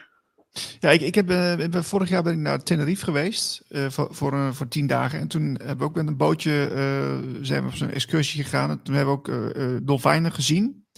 En wat, ja, wat, wat mij het meest bijbleef, is dat ik daar gewoon heel erg blij van werd. Ik werd gewoon, ik, kreeg echt een soort joy over me heen. En dat was heel bijzonder. Iedereen was natuurlijk ook heel, heel enthousiast. En, en leuk dat die, dat die dieren er zijn. Maar dat, dat was wel, ex, best wel extreem hoor. Nou, dat klopt, uh, dat klopt ook wel met wat er op, uh, op al die reizen gebeurt. Ook zeg maar die zeereis van een dag die we vanuit Zuid-Frankrijk doen. Dat mensen zo blij worden van het zien van dolfijnen. En, uh, en, en, wal, en onder de indruk als, als een walvis zien. Dat, dus die onmiddellijke reactie is er altijd. De mensen komen dan altijd met een brede glimlach weer in de haven terug. Dat zelfs de meest nuchtere types die ja, het, het, hart gaat open. Mensen worden blij van het ontmoeten van walvisachtigen. Ja. Kijk, nou, uh, Marlijne, weet jij wat je moet doen de komende, komende tijd, hè? Op walvisjacht, maar dan op een andere jacht. Zo is het, ja. Nou, op de Azorenreis in juni is nog één plekje over. De Azorenreis in september, daar uh, zijn nog vijf plekjes over. Dus uh, wees welkom. Oké. Okay. En mensen kunnen zich aanmelden, hè? Is dat volgens jou de Azoren, is dat nou uh, overblijfsel van Atlantis of uh, wat denk jij? Volgens mij wel, ja. ja. Een overblijfsel van de, van de eerste van de twee grote rampen die plaatsgevonden heeft. Daar bleven meteen al uh, wat vulkaantopjes van over die, die boven het water uitsteken. en dat zijn de Azoren. ja. Ja, op, ten, op Tenerife wordt daar ook over gesproken. Hè? Er wordt dan gesproken over ja. de, de Oh, hoe heet het ook weer? De ga, ga, Gauchi? Nee, ik weet niet meer. De, de, de Ganches, ja. En ik heb daar ook een foto van. Want ik ben in een museum geweest, jongens. Ja, ik heb een beetje onderzoek gedaan. En, daar, daar, heb ik een gigantisch grote hand uh, zien liggen. Dat was echt niet normaal. Misschien kan ik wel, wel even opzoeken, want ik heb hem uh, wel hierin staan.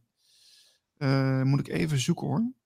Maar dat was echt extreem. Weet je, gewoon een, een, een ja, er werd, er werd natuurlijk ook informatie over gegeven over, over die guanches. En in, trouwens, in het hotel waar ik sliep, uh, hadden ze ook een, een grote statue. Gigantisch grote man. En was dat een van de, van de guanches van vroeger. Dat was heel toevallig dat ik, dat ik mhm. dan uh, net in het hotel ging natuurlijk. Maar goed, uh, de, de, de, de, de bevolking, zeg maar de lokale bevolking, die, die, die wist daarvan. Oh, ik heb, het, ik heb hem hier hoop dat ik hem goed kan zien hoor. Ja, ik denk dat de Canarische eilanden inderdaad ook resten van Atlantis zijn en de Guanches afstammelingen van Atlantiërs. Ja, en hoe groot was die hand? Dat uh, vergeleken met jouw hand. Nou, hoe echt wat, twee, drie keer groter hoor. Ja, ik kan, kan iets groter in beeld brengen. Nou, twee, drie keer groter. Nou ja, er zijn dus ook aanwijzingen dat er, uh, dat, dat er reuzen geleefd hebben op aarde. En in, uh, ik weet uit theosofische literatuur, dat daar, ook, daar staat dus ook dat Atlantiërs, dat dat erg grote mensen waren vergeleken met ons. Daar zijn we echt kleintjes bij. En uh, er zijn ook in, al, in alle delen van de wereld zijn ook uh, reuzenskeletten gevonden. Er worden er steeds meer gevonden. En uh, dat begon eigenlijk in Noord-Amerika, dat er reuzenskeletten gevonden zijn. Maar wat is daarmee gebeurd? Nou, dat heeft een wetenschapper van het Smithsonian Institute, die schijnt dat op zijn sterfbed gezegd te hebben. Dat, uh, en hij was daar betrokken bij, dat uh, die reuzenskeletten, die werden die werden op een vlot de zee opgetrokken. En, uh, en, de, en, dat hele vlot met, met skeletten erop, dat werd daar in brand gezet. Zodat al die sporen gewist werden, want ze pasten niet in het uh, wetenschappelijke plaatje van toen. En dan heb ik het over ongeveer een eeuw geleden. Zo. Nou. Ik dacht dus, dat ze daar uh, verborgen onder het Smithsonian allemaal opgeborgen waren. Maar ze zijn gewoon vernietigd. Dus. Ja, dat is wat, uh, dat, dat is wat, uh, wat, wat, wat ik gehoord heb, dat ze vernietigd zijn. Helaas. Maar gelukkig worden in alle werelddelen weer opnieuw van die skeletten gevonden. Dus. Uh, dus ja, het meest effectief natuurlijk, hè? Naast, naast, naast boekverbranding gewoon ja, de, de, de, de overblijfselen gewoon wegbranden. Ja, wat wil je nog meer? Ja, en dat vind ik natuurlijk, als dat verhaal waar is, wat die man op zijn sterfbed verteld heeft, dan, uh, ja, dan vind ik dat een erg oneerlijke en bekrompen uh, manier van wetenschap bedrijven. Dat kun je gewoon niet maken als wetenschapper. Het is niet ethisch. Nee, nee zo is het ook. Uh, even zien, waar gaan we nog even naartoe, Merlijn? nou, ja. misschien, misschien wil Niels dat ook wel delen, weet ik niet. Maar Saskia, heb jij bepaalde oefeningen die je doet om de, ja, met de pijnappelklier, om die te, te activeren of misschien uh, ja, spirituele meditatie, dat je je daarop richt, op die, op die plek? Of uh, doe je daar iets mee? Ja, zeker. Ja, ja dat, eh, de, dat, die oefeningen die geef ik in mijn pijnappelkliertrainingen. En dat zijn oefeningen vanuit de hele wereld. Er is één training, dat is een driedaagse die ik in mijn eentje geef.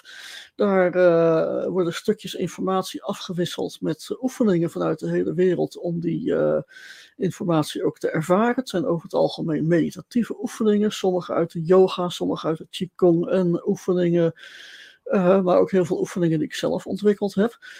En en er is ook een, uh, een driedaagse, de, de, de masterclass pijnappelklier, die ik samen met uh, twee collega's van mij geef, die weer een andere inbreng hebben. Uh, daar zijn oefeningen vanuit de energetische healing bij, vanuit het, het Andes shamanisme. Um, en nog meer yoga-oefeningen, ook heel veel adviezen op het gebied van voeding. En ja, en oefeningen die, die, die zij gewoon her en der in de loop van allerlei opleidingen hebben opgedaan. Dus dat zijn twee heel verschillende driedaagse pijnappelkliertrainingen. Uh, die, die drie dagen zijn niet achter elkaar. Mijn training, daar, uh, daar, daar, daar zitten minstens een week of twee weken tussen die drie dagen in. En die training die we met z'n drieën geven, daar zijn twee dagen aan elkaar en de derde is een maand later. En die, uh, die gaan ook komen vanaf 15 januari. Uh, dan begin ik met mijn driedaagse en daarachteraan komt de masterclass pijnappelklier die in maart begint. En waarvan de derde dag in april is. En, uh, en nou, dat, de inschrijving daarvoor is open voor die, voor die twee driedaagse. Het is allemaal te vinden op mijn website, net zoals mijn reizen. En wie daarin geïnteresseerd is, kan zich inschrijven. En op, de avond van 4 januari geef ik een lezing over de pijnappelklier. Heel informatief. En het is, die lezing is tevens een inleiding, een introductie van de twee, drie dagen die gaan komen. Dus als mensen niet meteen de sprong durven aandurven om zich voor die driedaagse in te schrijven, kunnen ze ook gewoon eerst naar uh, mijn online lezing luisteren. Uh, om een indruk te krijgen. Alle, alle informatie staat onder de video, in elk geval. Mooi. Dus daar kunnen mensen het vinden. maar wat, wat, voor, wat voor soort ervaring heb, je, heb je zelf ervaren met, met dit soort oefeningen? Ja, wat ik zelf ervaar. Ik heb bijvoorbeeld een oefening waarin we de pijnappelklier openzetten als kosmische antenne. Eh, want we hebben zeg maar, de stoffelijke pijnappelklier, dat is dat hele kleine verschrompelde krentje wat we in het midden van ons brein hebben. Maar de subtiel-energetische versie, die is veel groter. Dat is eigenlijk, uh, dat ziet eruit als een enorme bloemknop veel langer dan ons lichaam, die ook ver boven ons hoofd uitsteekt. Serieus? die, je, die je kan openen als kosmische antenne. En die, uh, het is ook in, in, antroposofische literatuur terug te vinden. Hè, in, de, zeg maar in de, de, de, artikelen die Rudolf Steiner geschreven heeft. En die. Uh, en uh, ja, ik heb daar zelf een geleide meditatie op ontwikkeld om, om die bloem open te zetten. En ja, dan ga je dus, je begint dan eigenlijk eerst met aarding, met jezelf goed te wortelen in de aarde. Met uh, energetische wortels. En, uh, en, jezelf goed beschermen in een veld van liefde. En vervolgens ga je die antenne openzetten. Dat zijn dus twee verschillende meditaties na elkaar. En die, ja, dat kun je dus gaan ervaren hoe je dus in contact staat via je wortels met de aarde en via de kosmische antenne van je pijnappelklier met de kosmos. je, je voelt dan die, die, die stromen van energie en informatie die door je heen gaan.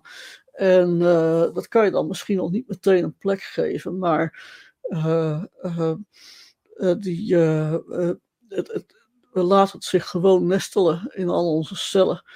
En dat is net zoals met de, de energie en informatie die je van de dolfijnen krijgt. Ehm, dat gaat gewoon in de weken en de maanden daarna zijn werk doen. En dan kan het dus gebeuren dat er heling plaatsvindt, dat je inzichten gaat krijgen, uh, dat je ineens dingen weet, je innerlijk weten wordt geactiveerd. En uh, dat is wat ik zelf altijd ervaren heb. Hè. Ik, ik, dit, dit werk doe ik al een jaar of 29. Dat is wat ik zelf altijd ervaren heb en wat ik ook graag mogelijk maak voor, voor andere mensen. Ja, maar dat, dat vind ik wel fascinerend. Dus dat, die, die energetisch, zeg maar, op dat niveau is, is de pijnappelklier veel groter dan ons lichaam. Dat vind ik echt wel een, uh, dat vind ik nogal een openbaring eigenlijk. Dus, dus... Ja, wij, wij, wij, zijn eigenlijk een soort kosmische antennes die, uh, uh, wij als individuen, wij communiceren met de kosmos en ook met de aarde. En, en, en dat kan dus ook tussen de kosmos en de aarde via ons gaan lopen. En uh, nou, om even op die Rudolf Steiner terug te, komen. Ik ben zelf geen theosoof of antroposoof, maar ik lees die literatuur wel. En een heleboel andere literatuur ook. Uh, Rudolf Steiner die zegt dat wij vroeger, zeg maar in de Lemurische tijd, toen wij nog hele etherische wezens waren, uh, een beetje half op het land, half in het water drijvend, uh, dat we toen die antenne zo open stond dat wij helemaal onder invloed stonden van, uh, ja, van de kosmos. Dat we dus eigenlijk helemaal gestuurd werden door invloeden uit de kosmos. En daar zelf eigenlijk nauwelijks zeggenschap in hadden. En hij zegt, en, uh, later, de stoffelijke pijnappelklier was toen ook veel groter. En hij zegt, later uh, heeft die pijnappelklier moeten krimpen en heeft uh, zich moeten verstoppen onder lagen van hersenen, hersenvliezen, schedel, spieren, huid, etc. om meer afgeschermd te zijn voor de kosmos, omdat het belangrijk was dat wij onze eigen reden gingen ontwikkelen het ons, ons eigen verstand gingen ontwikkelen. Um, zodat we later, en dat, dat ging volgens hem dan ook zeg maar gepaard aan uh, uh, de vorming van een steeds dichter stoffelijk lichaam. En hij zei later, en in dat stadium zitten we inmiddels, dan dan, dan gaan we weer verfijnstoffelijken. Dus ons lichaam gaat verfijnstoffelijken. Uh, onze pijnappelklier, antenne, die gaat weer open. En dan kunnen we dus, dus bewust communiceren met de kosmos. We kunnen daarin ook met onze vrije wil een keuze maken. Uh, uh, ons verstand is ontwikkeld. We kunnen dan zeg maar met verstand, kunnen wij ons intuïtief openstellen voor de kosmos. Daar komt het op neer. Tja. Dus vandaar ook dat ik zelf uh, groot belang hecht aan het, uh, uh, ja, aan, aan het verenigen van, van spiritualiteit en wetenschap. Dus wat ik vanuit mijn bedrijf aanbied, dat is uh, spiritualiteit met een wetenschappelijke basis. En dat is eigenlijk hetzelfde verhaal als wat Rudolf Steiner in een artikel vertelde. Dat, uh, dat, dat we ons straks weer open kunnen stellen, of nu eigenlijk alweer open kunnen stellen voor de kosmos. En, uh, um, maar, zeg maar, intuïtief openstellen. Maar met daarbij ons, ons, ons verstand, onze, onze, onze vrije keuze. Het is ons vermogen om te onderscheiden en te kiezen en ons verstand te gebruiken. Zodat we niet wegzweven en, uh, en een soort speelbal worden van alleen maar kosmische invloeden. Ja, en als je nou, er zijn er mensen die naar deze podcast uh, kijken of luisteren en die, uh, die willen hier meer informatie over. Kun je natuurlijk naar jouw website gaan en naar jouw lezingen of, en workshops. Maar zijn er ook andere boeken of uh, podcasts die jij aanbeveelt?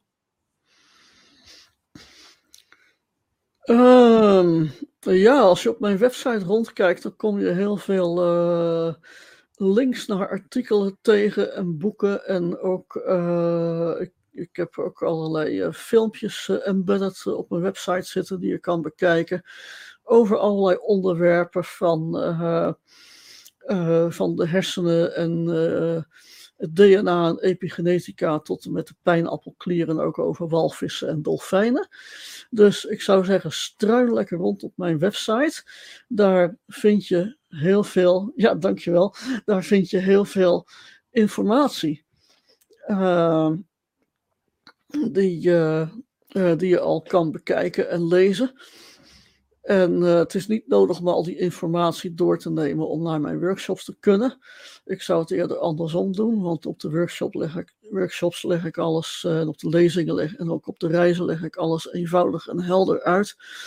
En, uh, en daarna kun je nog lekker doorlezen en kijken in alle informatie die op mijn website te vinden is. Ja, inspiraradiance.nl. En dat is grappig dat ik daar ook de pagina's die nieuws gratis meedoen met al, aan mijn workshops. Uh, dat kan dus als je zeg maar te ver afwoont van de locaties waar, uh, die je in mijn agenda ziet staan.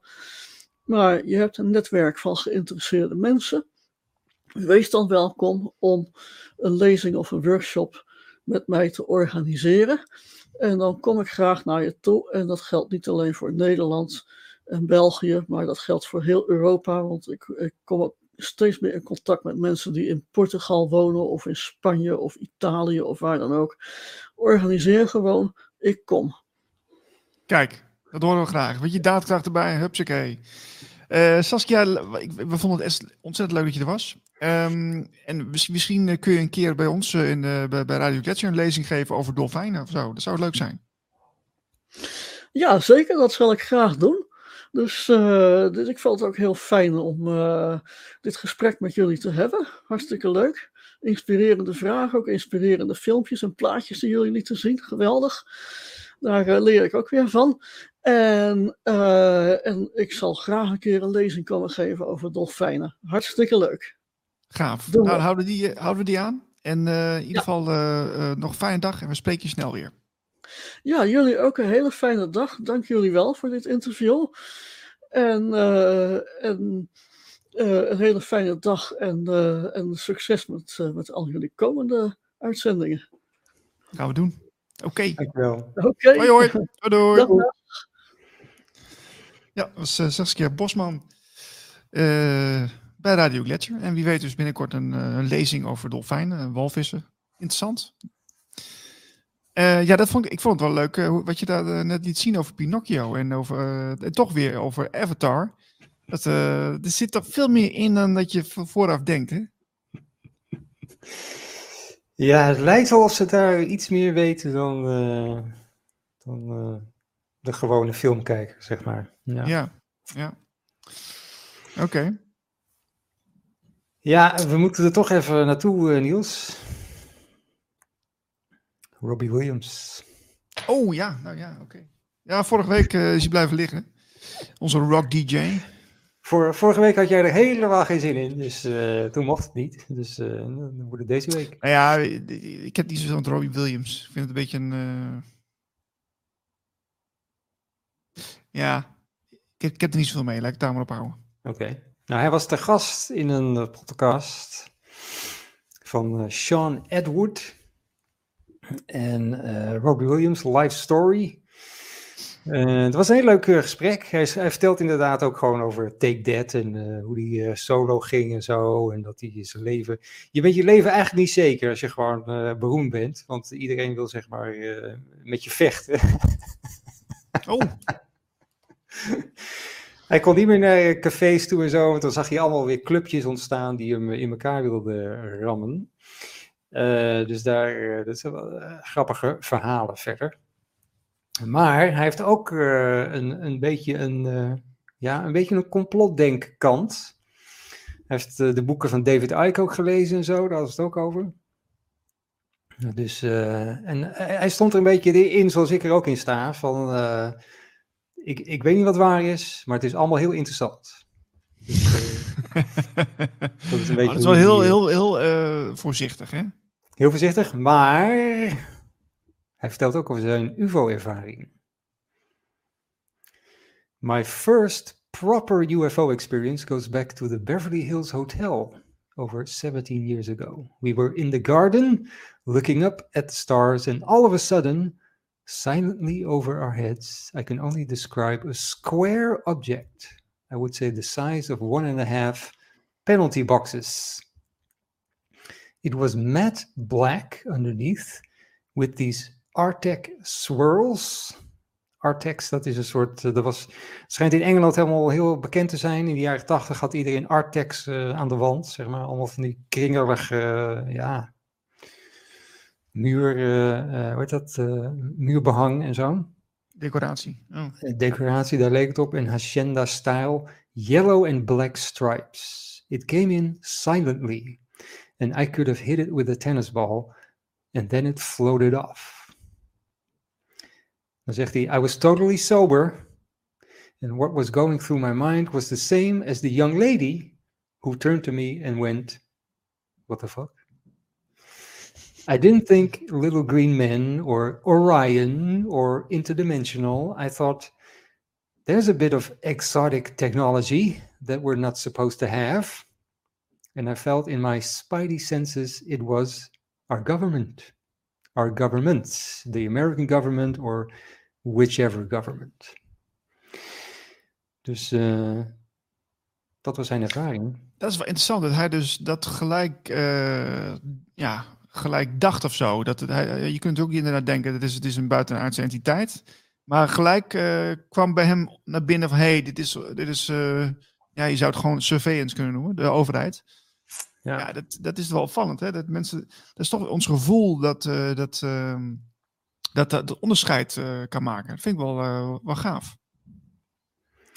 Ja, dus die vertelt je over, dat was een leuk, leuk stukje. Hij vertelt nog iets, en nu komen we echt op het interessante deel. Hij zegt, there was this painter, daar was hij helemaal gek van, een, een, eh, eh, een, een vrouwelijke schilder, a painter in Sweden. And she's become instantly my favorite artist because she was doing these portraits of cafe society and landscapes.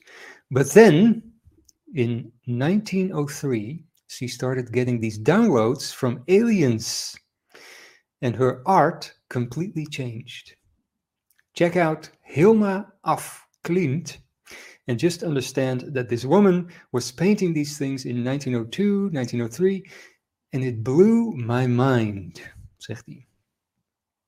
Hmm. Wie, wa wie, was dat? Want ik had er nog nooit van gehoord. Hilma af Klint. Leefde van 1862 tot 1944. Swedish artist and mystic, whose paintings are considered among the first abstract works known in Western art history. She belonged to a group called The Five, comprising a circle of women inspired by theosophy, theosophy who shared a belief in the importance of trying to connect to the so called high masters, often by way of seances. Her paintings, which sometimes resemble diagrams, were a visual representation of complex spiritual ideas. In 1908 she met Rudolf Steiner, daar is hij weer. Ja hoor. who introduced her to his own theories regarding the arts. In 1920, she met him again at the Goetheneum in Dornach, Switzerland, the headquarters of the Anthro- Anthroposophical Society. The works of Hilma af Klint are mainly spiritual, and her artistic work is a consequence of this. She felt the abstract work and the meaning within were so groundbreaking that the world was not ready to see it. And she wished for the work to remain unseen for 20 years after her death. Kun je nagaan. Ja, Dus dan maak je heel erg eh, belangrijk werk en dan zeg je nee, stop maar in de kluis voor de komende 20 jaar, want mensen zijn hier nog niet aan toe. jeetje. En heb je nou ook eh, wat voorbeelden van eh, meegenomen? Want ik ben wel benieuwd nu. Ja, nu zijn we wel benieuwd. Kijk. Chaos number two. Het heeft een beetje een yin en yang sfeer, dit. Dit is nog wel redelijk, redelijk wild op het doek gezet, zullen we maar zeggen. Maar kijk, hoe de human being is. Ook een beetje yin en yang-achtig. Met een, een hart Ja. in het midden. Is helemaal een gekke. Pyramide. Altarpiece. Ja, dan heb je hier natuurlijk, eh, er stond geen titel bij, maar dit is natuurlijk eh, The Tree of Life. Ja, heel duidelijk. Maar dat Ja. zie je ook in Noorse mythologie terug, hè? Dit, dit beeld. Dit, is, eh, dit gaat veel verder terug. Hmm. Ja, en Ja. dit, eh, dit heb je dan ook erbij. Echt, echt super abstract. De Ik Swan. wou zeggen, ja. ja. Maar eh, ja, de tijd, de tijd ver vooruit. Ja, maar toch ook wel weer heel duidelijk ja, die, die, die schijf die je erin terug kunt zien, hè? Schijven. Ja, er staat ook nog andere schilderijen. Ik heb niet alles meegenomen, maar er staat ook andere schilderijen dat ze ook echt zwanen had getekend, die ook wel herkenbaar waren. Maar eh, ja, Ja. Interessant. Want jij, jij, jij bent ook eh, wel aardig, eh, ja, je, je- enigszins be- be- bewust van de kunsten, hè? Je, je, de, tenminste, verschillende stijlen en zo.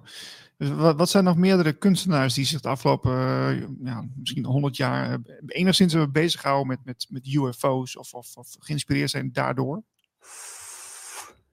oeh, dat, dat, dat weet ik eigenlijk niet. Ja, Misschien is, hebt wel leuk, ja, misschien wel leuk om aan de kijker eh, die hier natuurlijk heel geïnteresseerd naar het luisteren is, of die even wil reageren onder de video en misschien dat even wat suggesties kan aanreiken. Want eh, dat vinden we natuurlijk wel leuk om dat eventjes een keer te laten zien. Want we hebben natuurlijk een podcast, maar we hebben ook een video met deze stream. eh, om dat een keer in de volgende uitzendingen te laten zien. Want dat is, dat is wel, eh, wel interessante materie natuurlijk. Nou ja, dit, dit is wat ik vorige week ook al zei. Dit is natuurlijk ook weer dat. eh, kijk, ja, als je de hele tijd kunst, eh, of al die jaren kunst hebt bekeken, maar dan zonder dat spirituele perspectief.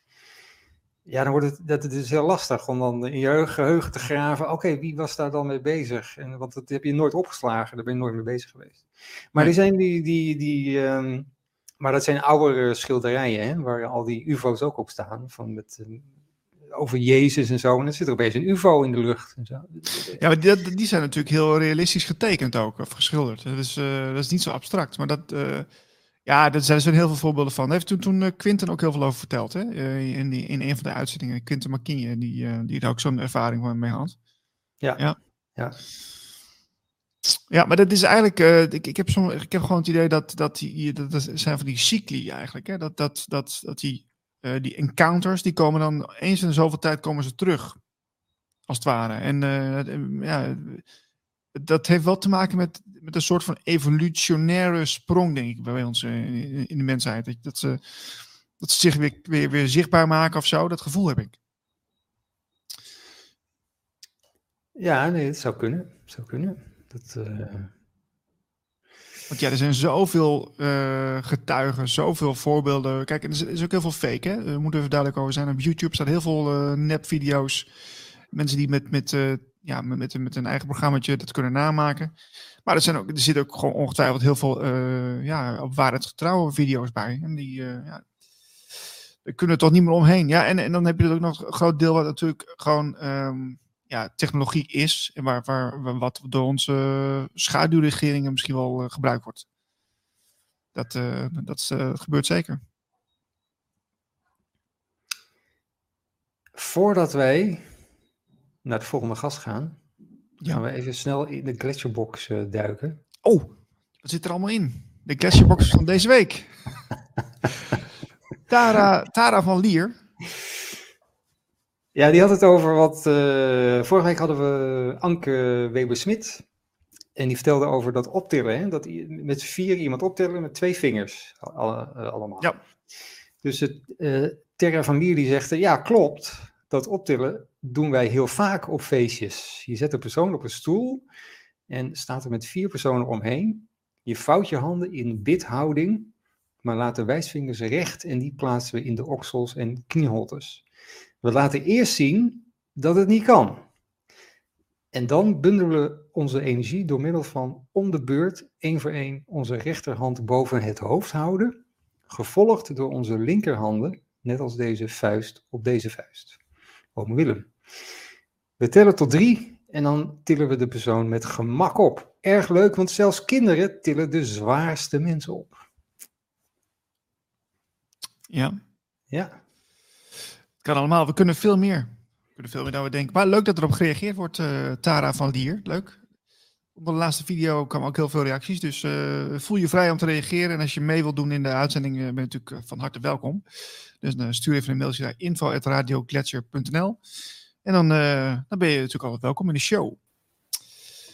En we zien daar onze volgende gast, Corina. Welkom. Goedemiddag, hallo. Hallo.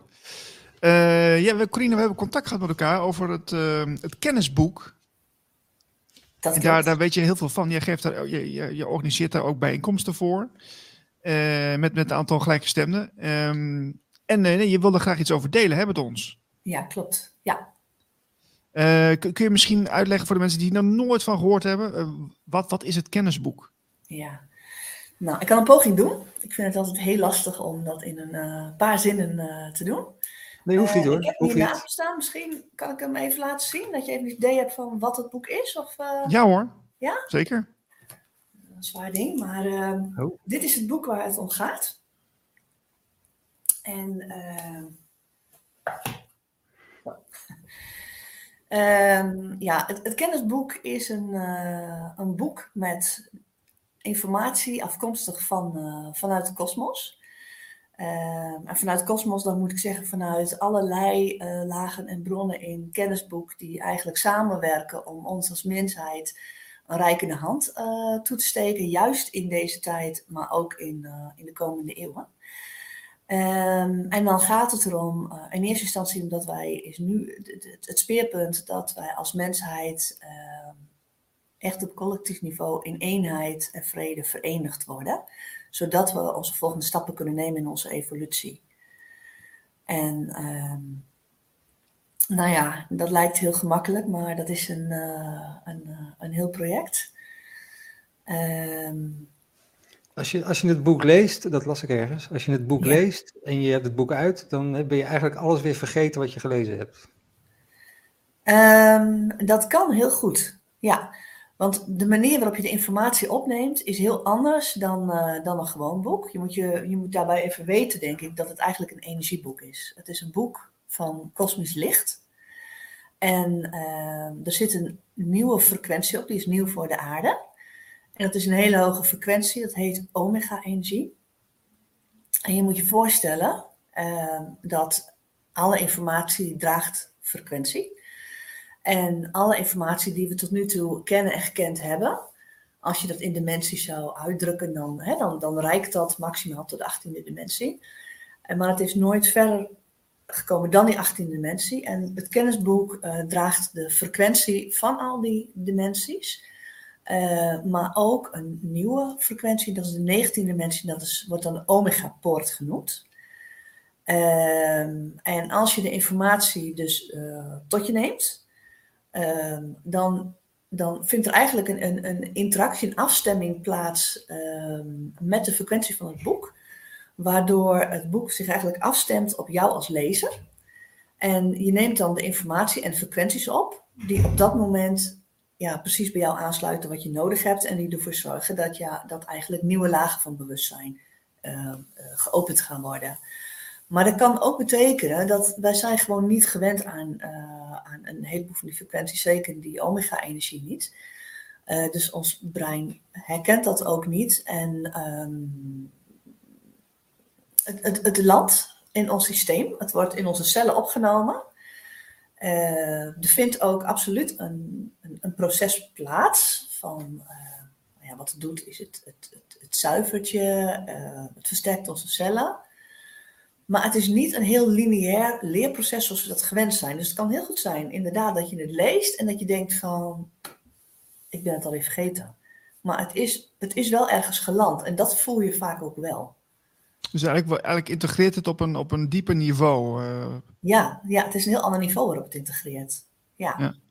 Ah, oké, interessant. En gaandeweg komt dat ook wel uh, aan het bewustzijn hoor. Dus uh, gaandeweg ga je ook wel uh, bewust de stukken wel beter kunnen herinneren. Uh, de, de, linken gaan leggen tussen dingen die je eerder gelezen hebt, uh, die in verschillende boeken, verschillende stukken van het boek uitgelegd worden.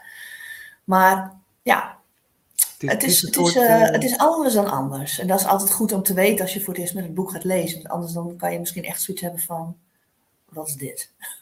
Ja, het, is ja, ja, het is een soort dolfijn in boekvorm eigenlijk. Oh, dan weet ik niet zo goed. Uh...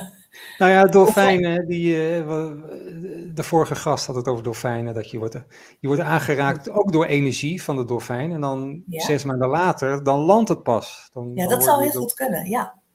Ja, dus in die zin klopt uh, de vergelijking, denk ik. Ja, er zal natuurlijk altijd wel een deel landen, soms ook niet. Hè. Soms dan merk, merken mensen ook als ze het lezen, dan is het net alsof bij wijze van spreken gewoon niet binnenkomt of het afstoot of, of dat je weerstand voelt.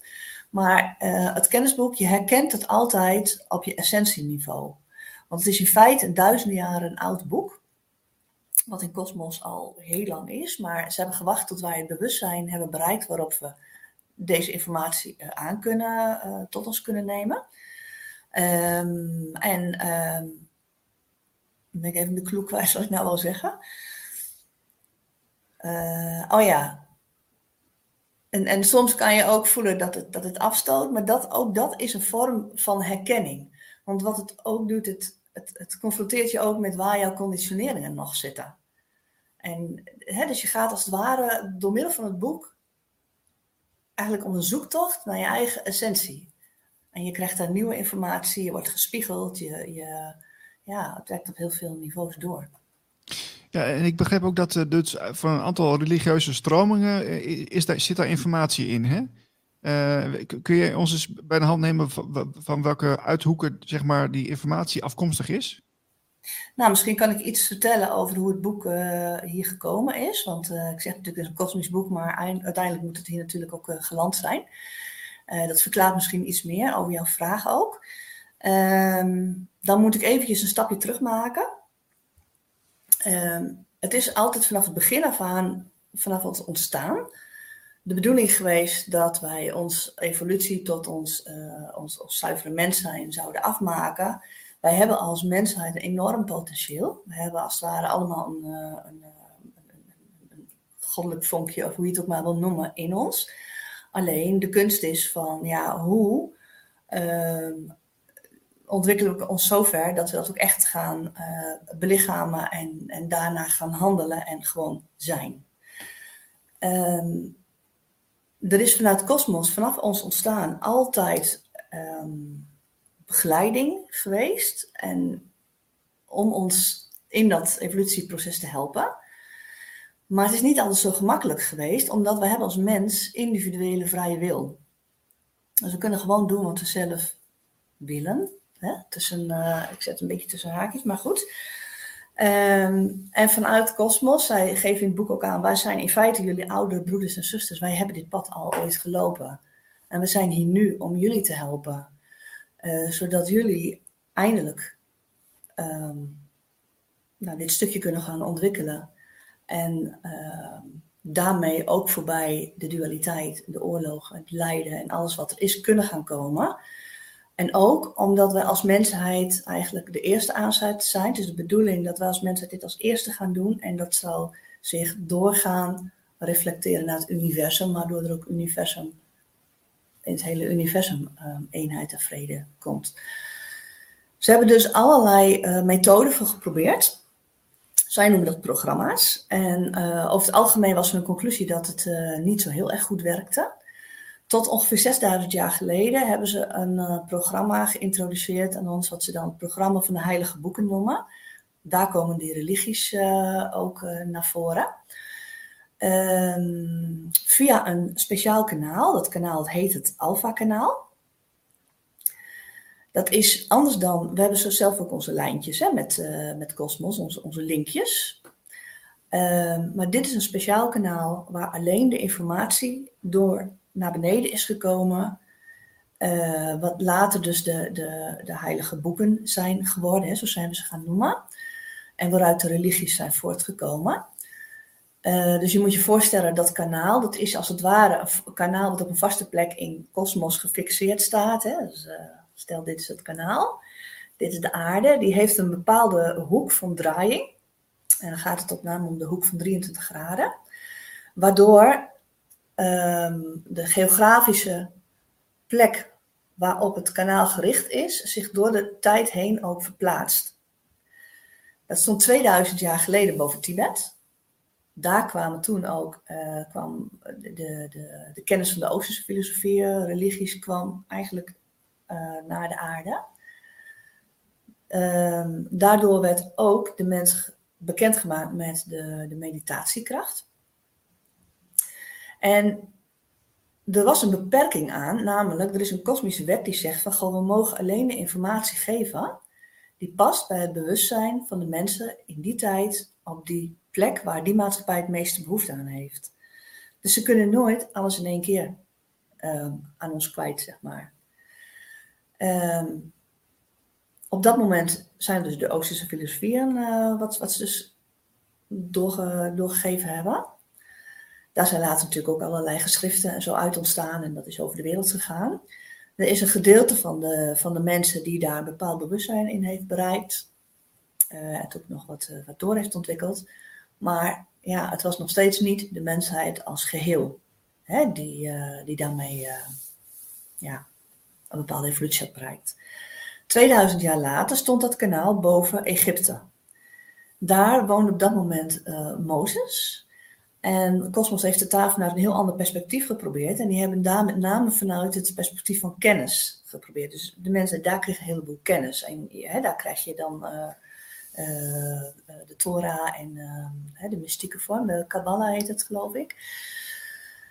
Um, dat bleek ook nog een, een lastig te, vatten voor een groot deel van de mensen. En weer 2000 jaar later stond het boven een gebied wat zowel Jeruzalem als Mekka en Medina omvatte. Toen hebben zij het weer over een andere boeg gegooid en is Jezus naar de aarde gekomen en zijn taak was eigenlijk om de mensheid de kracht van liefde te leren. En het idee daarachter was, dus vanuit de liefde en de sereniteit die dat met zich meebrengt, is het gewoon makkelijker om dat bewustzijn eigenlijk tot je te nemen, om dat aan te trekken. Corina, je, je zegt net van, uh, dus de kosmos heeft dus op verschillende plekken in verschillende tijden zeg maar, geprobeerd om die kennis uh, te brengen. Ja. Uh, maar wie zijn ze? Ja, Um, nou, dat is dus, zij noemen zich onze, onze, onze oudere broeders en zusters, maar ze um, wordt, alle boodschappen in het kennisboek worden ondertekend. En er wordt ook uitgelegd hè, wie zij zijn, soms wat explicieter, soms wat minder expliciet. En dat gaat echt van, uh, nou, om eens wat te noemen, van Amon tot heel veel boodschappen zijn ondertekend met Mustafa Molla. En er wordt uitgelegd dat het hetzelfde is als Engel Gabriel. En uh, ja, hè, dus Engel Gabriel, zeg maar. Uh, ja, er zijn eigenlijk heel veel. Soms is het een, uh, een uh, iemand vanuit een UFO-schip, die dan zijn, zijn naam noemt. Ehm, Uh, er zijn boodschappen die ondertekend worden met. Er is één boodschap die ook met, echt met Allah ondertekend wordt. Uh, Allah wordt overigens ook uitgelegd. Hè, dat dat, het is niet net als een mannetje met een baard daarboven, maar het is ook een code, het al en het niets. En de ontwikkeling daartussenin die je dan maakt. Um, dus het is eigenlijk heel breed. En dat komt ook omdat vanuit de hele kosmos nu echt alles gericht is op de aarde om ons nu door dit proces heen te helpen. Er staat ook een zin in het kennisboek van, ja weet je, um, de hemelen zijn leeg op dit moment. Iedereen is op aarde om het proces oh. te doen. Dus eigenlijk, eigenlijk maken we een hele belangrijke transitie door die ook effect heeft op de rest. Dus. Ja, klopt. Ja. Ah. En de energie van het kennisboek is eigenlijk de energie die eigenlijk dat alles draagt. Het wordt ook het boek van de gouden tijd genoemd. Nou, dat is uh, om jouw lezers of jou te horen, dus ongetwijfeld uh, een bekend begrip, denk ik. Denk het wel. Um, en dit, dit, dit zet de, de energie van die gouden tijd neer. Um, het heeft ook programma's meegegeven van hoe we daar ja, hoe dat dan neergezet uh, wordt, daar is ze al, ja, weet je, het programma ligt er eigenlijk al duizenden jaren. Um, maar moet door de mensheid wel gewoon zelf neergezet worden. We krijgen alle hulp die er is. Um, onder andere door het kennisboek, zowel in privéopzicht, want het kennisboek, als je het leest, uh, dan uh, haalt het zo snel mogelijk, helpt het je door de ontwikkeling dat je karma's gewoon opgelost worden, dat je de evolutie gewoon kunt maken naar die ja, het is een soort van. Uh, ja, dat je de evolutie eigenlijk kunt maken. Waardoor je uiteindelijk door die omega-poort heen kunt gaan. Want dat is uiteindelijk waar het om gaat. En dat we daar nu niet meer individueel allemaal naartoe gaan en uh, daardoor heen kunnen gaan. Ooit zijn er periodes geweest waarin ook die poort open ging. Dat is een, een, een uh, ja, dat is een cyclisch gebeuren. En af en toe gaat die open. In het verleden waren het altijd een paar mensen. En nu is de bedoeling dat we als mensheid, als collectief, daar met z'n allen gewoon zo met zoveel mogelijk mensen doorheen gaan. En daarom is het ook zo belangrijk dat we ons nu in eenheid verbinden. En daar helpt het kennisboek bij, door onze persoonlijke processen te, te, uh, te helpen door te lopen. Uh, we worden als het ware geënt met de energie van die negentiende dimensie, waardoor we die evolutie als het ware ook kunnen aantrekken in ons systeem. En uh, door middel van, uh, als je, als je, er zijn ook studies met het kennisboek. Ehm, daar kan ook iedereen aan meedoen. Je kan het ook voor jezelf lezen, wat je wil. En daarmee wordt de energie eigenlijk op de aarde neergelegd. Dat is het idee. Oké, maar, maar, wat ik even niet begrijp is die Omega-poort. Uh, want ja. daar, moet, daar moeten we dus doorheen. Maar hoe, uh, maar hoe, moet, is dat een fysiek iets waar we doorheen moeten? Of hoe moet ik me dat voorstellen? Ja, nou, dat kan ik je niet precies antwoord op geven. Er staat wel een, uh, een, uh, een soort uh, schets in het kennisboek, die het wel wat visueler maakt, om het een beetje uit te leggen. Die poort zelf, ehm, het is eigenlijk een, ja, je zou het kunnen zien als, moet ik even iets uitleggen, over onze plek in het universum. Er wordt ook heel veel over uitgelegd. Hoe zit dat? Waar komen we vandaan? Waar gaan we naartoe? Hoe is onze plek in het universum en hoe zijn onze verbindingen daarmee? Um, de aarde, die, uh, nou, die zit natuurlijk in een universum. Er zijn heel veel universa en kosmossen. Um, en je, net als de aarde bijvoorbeeld, om de aarde heen zit een, uh, nou, wat, wat, ik ben even de naam kwijt, maar we hebben van, van die laagjes hè, om de aarde. Ja. Um, hoe heet het ook alweer? nou ja, ionosfeer en weet ik veel. De ozonlaag? Ja, dat van... is ook een laag. Ook een poort in, toch? ja. Uh, nou ja, hè, zo zijn er van allerlei lagen. Dat zit als het ware ook om die verschillende universa. En uh, dat bevindt zich in één grote, ik noem het maar een soort van ballon. En uh, binnen die ballon maken wij ons hele evolutieproces. Dat begint bij de aarde. En waarom bij de aarde? Omdat de aarde zit het dichtst bij die omega-poort. Die omega-poort is als het ware een brandpunt. Dat is een energiebrandpunt. En er wordt uitgelegd, daarboven heb je het lichtuniversum en nou ja, een heleboel meer nog. En uh, dat, dat brandpunt, dat uh, krijgt een soort van positieve en negatieve energie. Het is wel weer. ehm, dat, dat, dat, dat komt dan bij elkaar in eenheid en dat voedt eigenlijk dat hele levenssysteem van al die kosmos en universa, maar onze aarde zit daar het dichtst bij, bij die poort. Dat is de reden waarom wij daar als het ware zijn begonnen en ontstaan. Wij maken dat hele rijtje van eh, ervaringen die we opdoen door evoluties op aarde, maar ook op al die andere planeten. Uiteindelijk maken we daar ook af. Want, en ehm, dan één keer in de zoveel tijd gaat die poort als het ware open. En je moet je voorstellen, ik weet niet hoe die poort eruit ziet. En er wordt wel wat over getekend, maar kan ik niet zo heel goed uitleggen. Uh, maar het is een energiebrandpunt, wat op een gegeven moment door bepaalde kosmische cycli, op enig moment is daar een, uh, ja, komt daar gewoon een, een doorgang. Um, hoe ik het zelf een beetje zie, maar dan, dan, dat is mijn persoonlijke manier om er een beeld van te krijgen.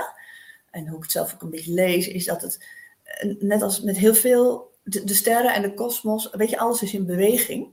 En soms heb je dan ook wel eens dat bepaalde dingen met elkaar uh, in line zijn, of, of juist niet. Of, uh, nou, zo is er dan uh, ook deze poort, die als het ware geopend wordt. Ja. En we kunnen daar niet zomaar door, want de energieën zijn daar zo krachtig. Daar moeten wij, daar kunnen we alleen door als we volledig in ons zuivere, kracht van ons zuivere mens zijn, zijn, maar ook onze cellen gewoon de energie aan kunnen. En dat is waar je mee opgeladen wordt. Dat ken ja, dus je moet een hoge mate van bewustzijn moet je bereikt hebben. Daar, daar komt het op neer dan, denk ik, of niet? Ja, ja ontwikkeling. Hè? Het gaat om uh, dat we echt mens zijn. Uh, ja. waar, waar komt het boek uh, vandaan? Want het is, het is, volgens mij in de jaren negentig verschenen. Maar, maar is, is het heel lang verstopt geweest en is het toen geopenbaard? Of uh, is het toen opgeschreven door iemand? Nee, het, het is uit Turkije geloof ik ook. Dus, uh... Ja, het is, uh, want ik had het net inderdaad over dat, dat het traject dat dat, dat Alpha-kanaal, waar dan die heilige boeken door naar de aarde zijn gekomen. Nou, de laatste was dan de Koran. Daarna is er een tijdje niks gebeurd. Heeft allemaal ja, we hebben dat allemaal kunnen transformeren, tot ons kunnen nemen. Um, er is een heleboel stappen, zagen ze voor het eerst in Cosmos, een heleboel stappen gemaakt werden door de mensheid. Maar we zijn er nog niet, want er kwam natuurlijk ook heel veel verdeeldheid uit voort, omdat de, de, de essentie toch niet altijd goed begrepen werd. Um, uh, ja, het bewustzijn toch nog zo was dat, uh, ja, dat het dat er toch weer misinterpretaties, uh, et cetera, waren, ook veranderingen werden aangebracht. Um, datzelfde kanaal, het Alpha-kanaal, staat nu boven het Anatolische gedeelte van Turkije.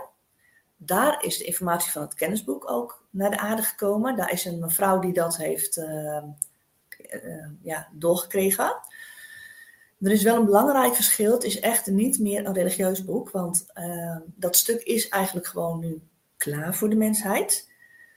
Uh, en, en, en, om echt tot die eenheid te komen, moet, moeten we verbinden. En niet weer nog weer allerlei nieuwe religies en afsplitsingen. Dat is niet meer de bedoeling. Het gaat er nu om dat we de kracht in onszelf ook kunnen, kunnen gaan vinden. Um, dus in die zin is het een ander boek. Het komt wel uit hetzelfde kanaal. Um, het is dus ook een nieuw programma. Dat programma van die 6000 jaar, was een voorbereiding daardoor zijn we nu, is ons bewustzijn zover dat we dit nu hebben kunnen ontvangen. En die mevrouw, Bulan Chorak heet ze. Zij is, uh, ze is net 99 geworden. Zij uh, leeft nog steeds. Gaf voor corona nog drie keer in het jaar uh, conferenties waar iedereen naartoe kon gaan. Wat er met haar gebeurde is, zij, is zij komt uit Turkije, maar ze is niet opgegroeid in een, in een moslimgezin of een christelijk of wat dan ook. Ook niet in een spirituele traditie opgevoed. Maar op een gegeven moment, volgens mij ook pas toen ze ergens op middelbare leeftijd was, kreeg zij gewoon opeens deze boodschappen. Uh, zij wou daar in eerste instantie niks mee. Omdat ze zoiets had, ja, wie weet, hè, hoe weet ik nou of dit allemaal klopt of niet. Um, dat heeft zij. Maar ze kreeg ze elke dag opnieuw, constant, exact hetzelfde. Um, toen heeft zij eigenlijk kosmische ervaringen gekregen, waarbij zij is meegenomen uh, ja, uh, in kosmos en daar allerlei dingen heeft gezien en zich eigenlijk herinnerde weer wat haar taak hier was. En dat is dat zij nu in deze tijd ehm, als het ware woordvoerder is van Cosmos, zo wordt ze ook genoemd. En zij heeft alles letterlijk opgeschreven. Ehm, in het begin kreeg zij ook de opdracht van, nou, dan was er een hoofdstukje klaar van, goh, ehm, stuur dit, stuur dit aan iemand. Um, dat is ook de bedoeling dat ze het ook elke keer sturen naar één iemand op een ander continent. Dat heeft ze ook gedaan. En uh, op een gegeven moment, volgens mij was het 1996, maar ik ben niet zo getalvast. En toen kreeg zij uh, de opdracht van, nou, de tijd is nu zo dat het samengebracht kan worden in één boek. En dat we de frequentie aan kunnen. En vanaf dat moment is het eigenlijk gedrukt en uh, ja, is het zo op deze manier als kennisboek verkrijgbaar. Dus dat is. Ah, oké. Okay. Het is, het is dus niet een soort samenraapsel van alle religies van, door iemand gedaan van nou dit is een kennisboek. Het is echt uh, specifiek door haar, doorheen, door, door haar heen gegaan. Ja. Ja. In het boek uh, gekomen. Oké. Okay. Ja. Okay. Er staan wel uh, ook wel religieuze termen in. Hè? Je kan religieuze termen tegenkomen uit christendom, uit weet ik veel, de, de, de Soefies, de, hoe heet die andere? Oosterse filosofie en christendom. Maar dan is het eigenlijk veel meer dat de essentie nog eens een keer wordt uitgelegd. Van hoe zit dat nou? Hoe was het nou bedoeld? Maar daarnaast zit die, die, die nieuwe laag erbovenop. Die, waardoor je ook snapt dat het eigenlijk nooit verschillende dingen zijn geweest. Dat het altijd eigenlijk om hetzelfde is gegaan. Alleen, men kon niet alles in één keer geven. Vanwege die kosmische wet van... Uh, wet van gradatie wordt dat ook genoemd. Hè? Um, dus het is altijd afgestemd geweest op de mensheid, op die plek en die tijd. Um, maar nu kunnen ze voor het eerst eigenlijk het hele verhaal in zijn totaliteit vertellen. En dat is gewoon ook meer dan wat er in de, in de religie stond. En het gaat er eigenlijk ook aan voorbij, het is overstijgend. Ja, maar dus, maar dus, oké, dus de, de mensen is er nu dus eh, klaar voor om het te ontvangen. Maar uh, ja. ja, er zullen ook altijd mensen zijn die, die, die hier niet mee bezig gaan. Uh, is, wordt daar ook nog rekening mee gehouden of is het dan jouw gemiste kans? Um, nou, um, nee. Kijk, we houden natuurlijk altijd de keuze om, uh, om, om ja, zelf wel of niet uh, iets aan te nemen of, of ons ergens in te verdiepen. Um, maar er wordt op verschillende manieren wel geprobeerd om echt de hele mensheid mee te nemen. enerzijds gebeurt dat door de studiegroepen. Over de hele wereld wordt dit kennisboek bestudeerd. En dat, is dan, uh, dat gebeurt in, in studiegroepen waarbij mensen tegelijkertijd samen op dezelfde dag een hoofdstuk lezen. En met een hoofdstuk lezen moet je denken dat je ook de energie aantrekt. Op het moment dat het kennisboek heeft daar ook zelf, uh, Cosmos heeft daar zelf ook instructies voor gegeven hoe dat dan, hoe dat precies werkt. Um, door het op die manier te doen, wordt er een energieveld gevormd van die omega-energie. En die gaat gewoon verder dan alleen wanneer je het boek voor jezelf leest of wanneer je daar uh, in je studiegroep leest. Um, dat, dat wordt als het ware horizontaal gereflecteerd. En um, op die manier ontstaan er dus energievelden van uh, de, omega-energie in de woonplaats, waar zo'n studiegroep actief is.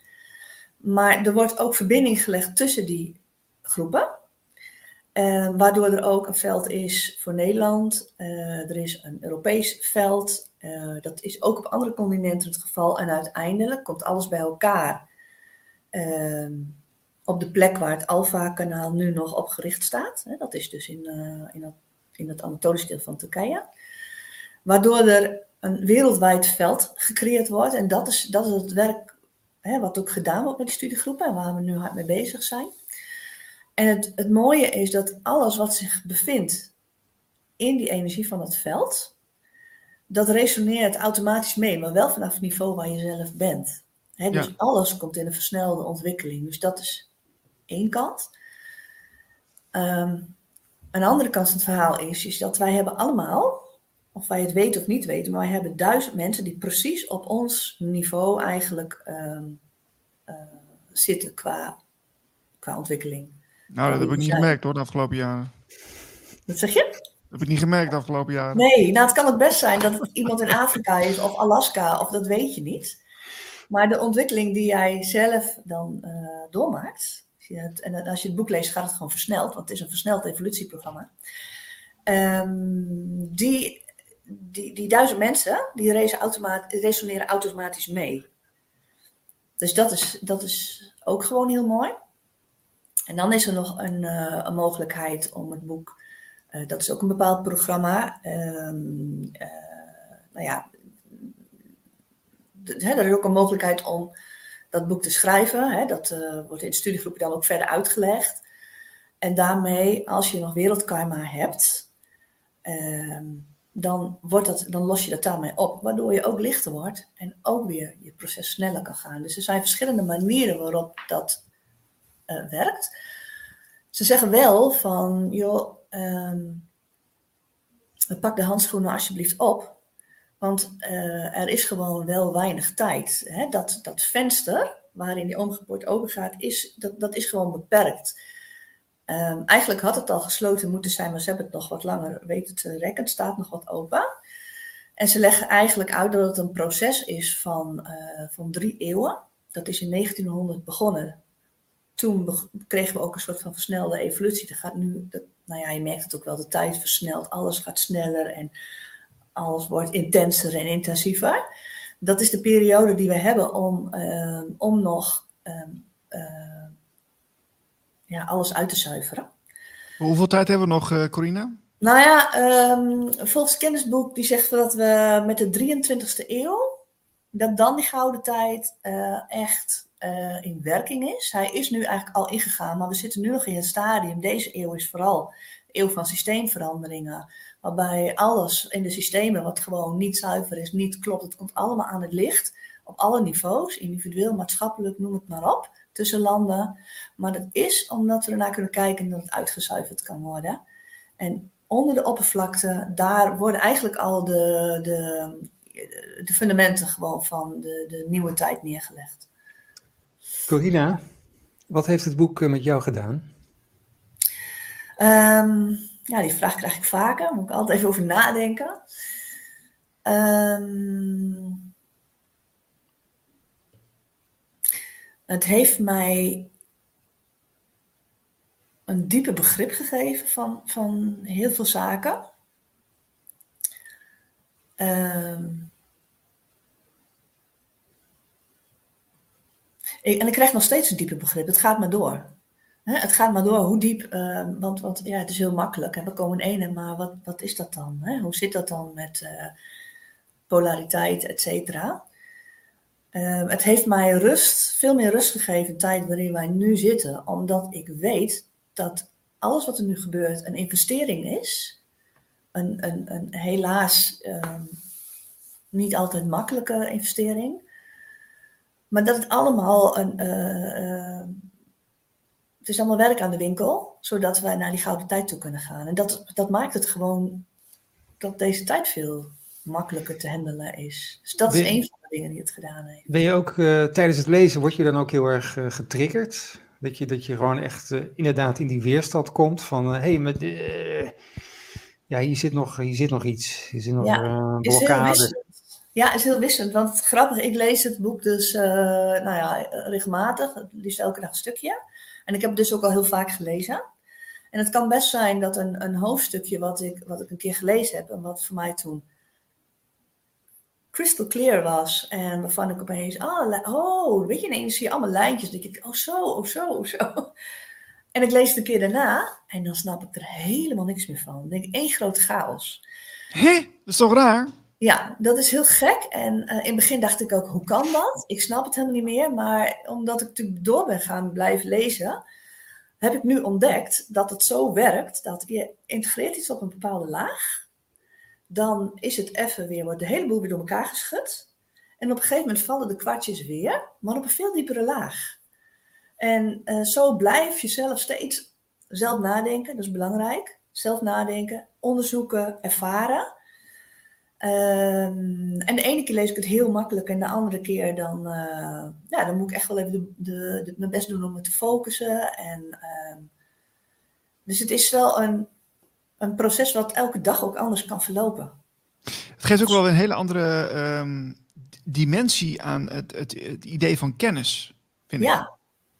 Ja, ja, ja, dat klopt. Als je er echt ingaat met de verwachting van, uh, van kennis, zoals ik normaal gesproken een boek lees van A tot Z en uh, heel lineair en ik kan het precies begrijpen of het is het lezen lekker makkelijk, lekker ontspannend. Ja, dit, dit is het niet. Het is wel echt een, een, een, een, studie met jezelf als het ware. Ja. ja. Nou, nou is ook uh, heel happen, hip en happening tegenwoordig A Course in Miracles, een cursus in wonderen. Dat is Ja. ook zo'n gechannelde, gechanneld boek. Ja. Lijkt dat er een beetje op of is, het, is dat iets totaal anders? Nou, ik moet je zeggen, ik heb zelf de, uh, de cursus in wonderen niet gelezen, maar ik heb wel uh, mensen ook wel die nu op dit moment binnen het kennisboek zijn of binnen het kennisboek gezeten hebben, um, die, daar, die een achtergrond daarin hebben. Uh, dus ja, die wisselt dan natuurlijk wel eens wat uit. Dus ik heb er een, uh, wel enigszins een beeld. Ik heb ook wel eens zo een beetje ingekeken. Maar ik kan er eigenlijk natuurlijk niet echt een, een oordeel over geven, omdat ik het niet ken. Um, wat ik wel kan zeggen is dat uh, alle kennis en informatie die wij tot nu toe tot, tot ons beschikking hebben, allemaal uh, zich bevindt binnen het bereik van die 18 dimensies. En uh, kijk, wij leven nu in, nou ja, hè, afhankelijk van wie erover spreekt, de derde, vierde of soms de vijfde dimensie waar we naartoe aan het gaan zijn. Um, dat doen we met ons, ons, ons, ons lijf, ons fysieke lijf, bewonen wij deze dimensies. Maar met onze breinkracht kunnen wij ons, um, ons ontwikkelen en openstellen in ons bewustzijn voor hogere dimensies. En daar kunnen wij dan in verbinding mee staan en ook mee communiceren en informatie over um, binnenkrijgen. Dat kan, maar dat kan tot de grens van die 18e dimensie. En dat is ook de grens uh, waarin bijvoorbeeld, uh, als je het hebt over Jezus, Mohammed, hè, want Course of Miracles, het gaat over, over Jezus. Tenminste, wat ik begrepen heb, zijn de, de, de teachings van Jezus. Um, dat is allemaal tot die 18e dimensie.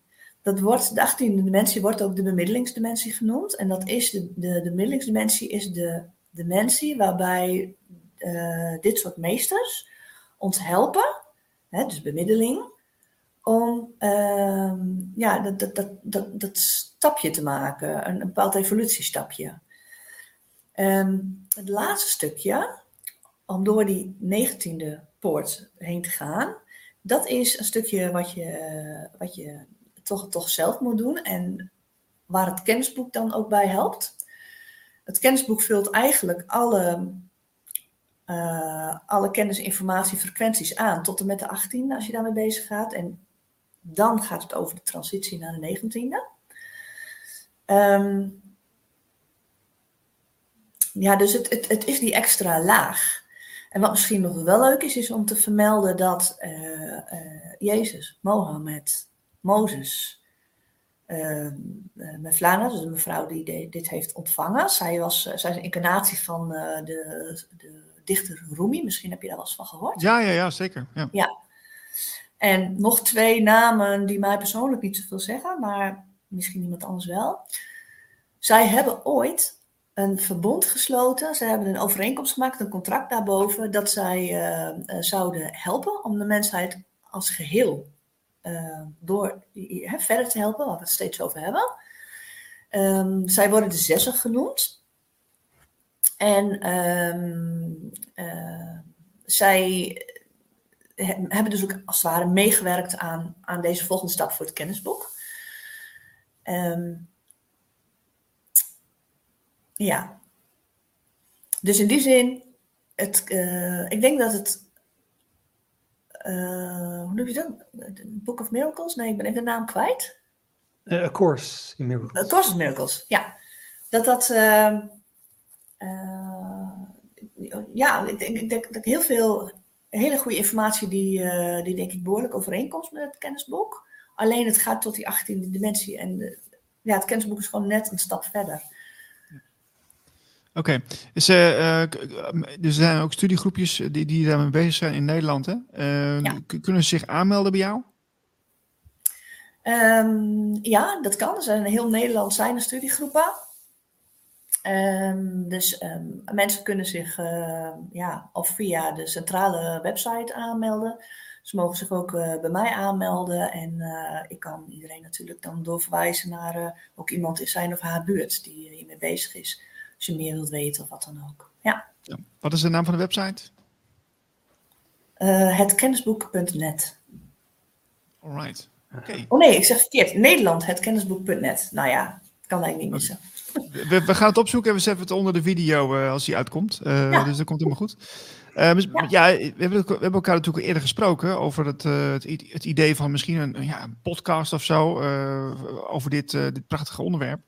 Maar ehm, ja, als mensen daar ook iets mee willen doen, ik bedoel, voel je vrij en, en reageer eventjes, want ehm, het is natuurlijk wel hele mooie informatie.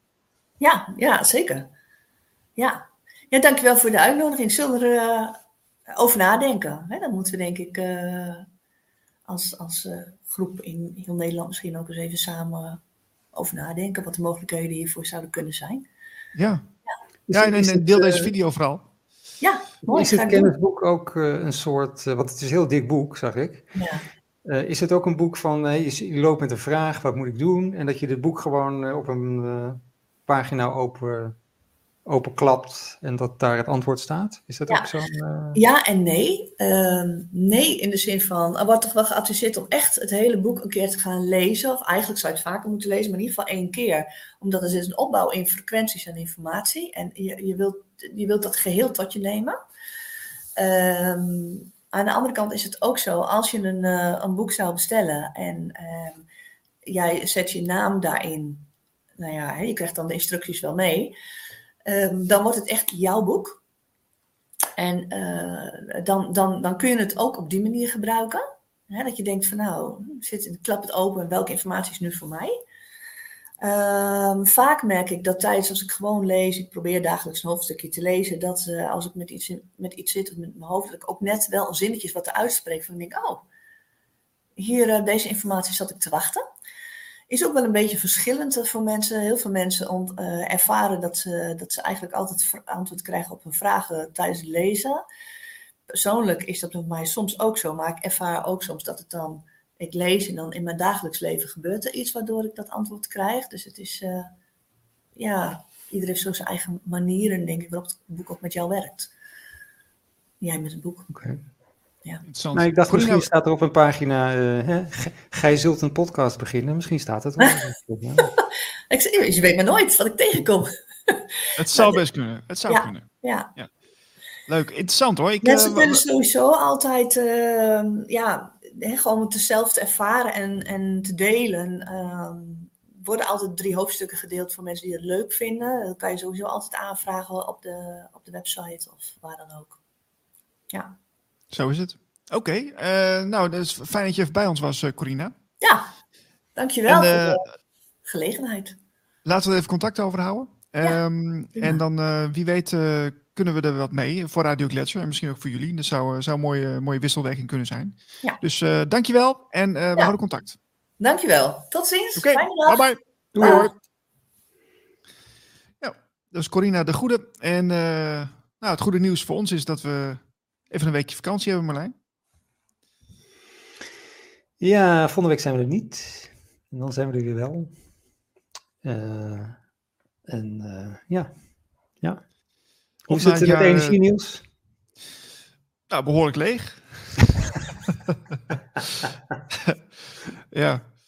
Nee, dus, uh, nou ja, uh, we gaan nog natuurlijk even door voor de donateurs. Um, ik wil even mijn excuses maken voor de donateurs. Want donateurs oh. hebben vergeten om het om het uh, linkje goed in de mail te zetten. Dus uh, ik kreeg net een berichtje. Je hebt de link niet in de mail gezet.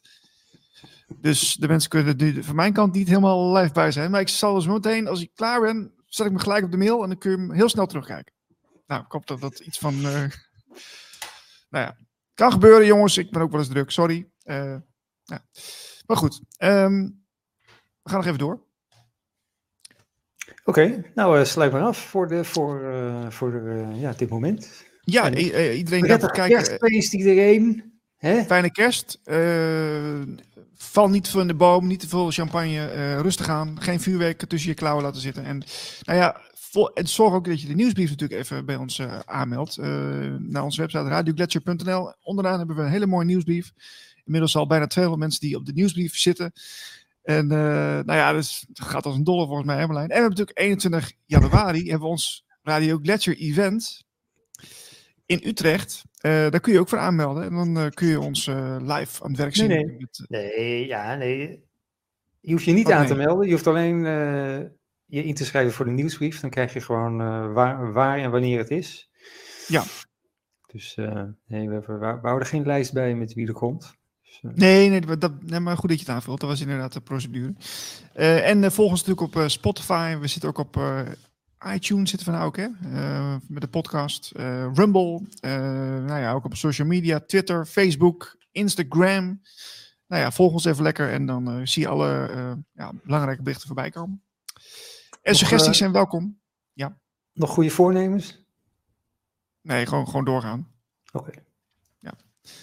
en heb je nog mailtjes, suggesties? radioglacier.nl en dan heb je kans dat een van ons reageert. Tot volgend jaar. Bye bye. Doei doei. Ja. Nou, het is uh, donker, hè? Donkere dagen voor de kerst, zeggen ze wel. Ja, ik had. Uh, dit was het videootje. Ja, die was goed. Die is echt goed. Die moeten we eigenlijk over op onze social media zetten straks.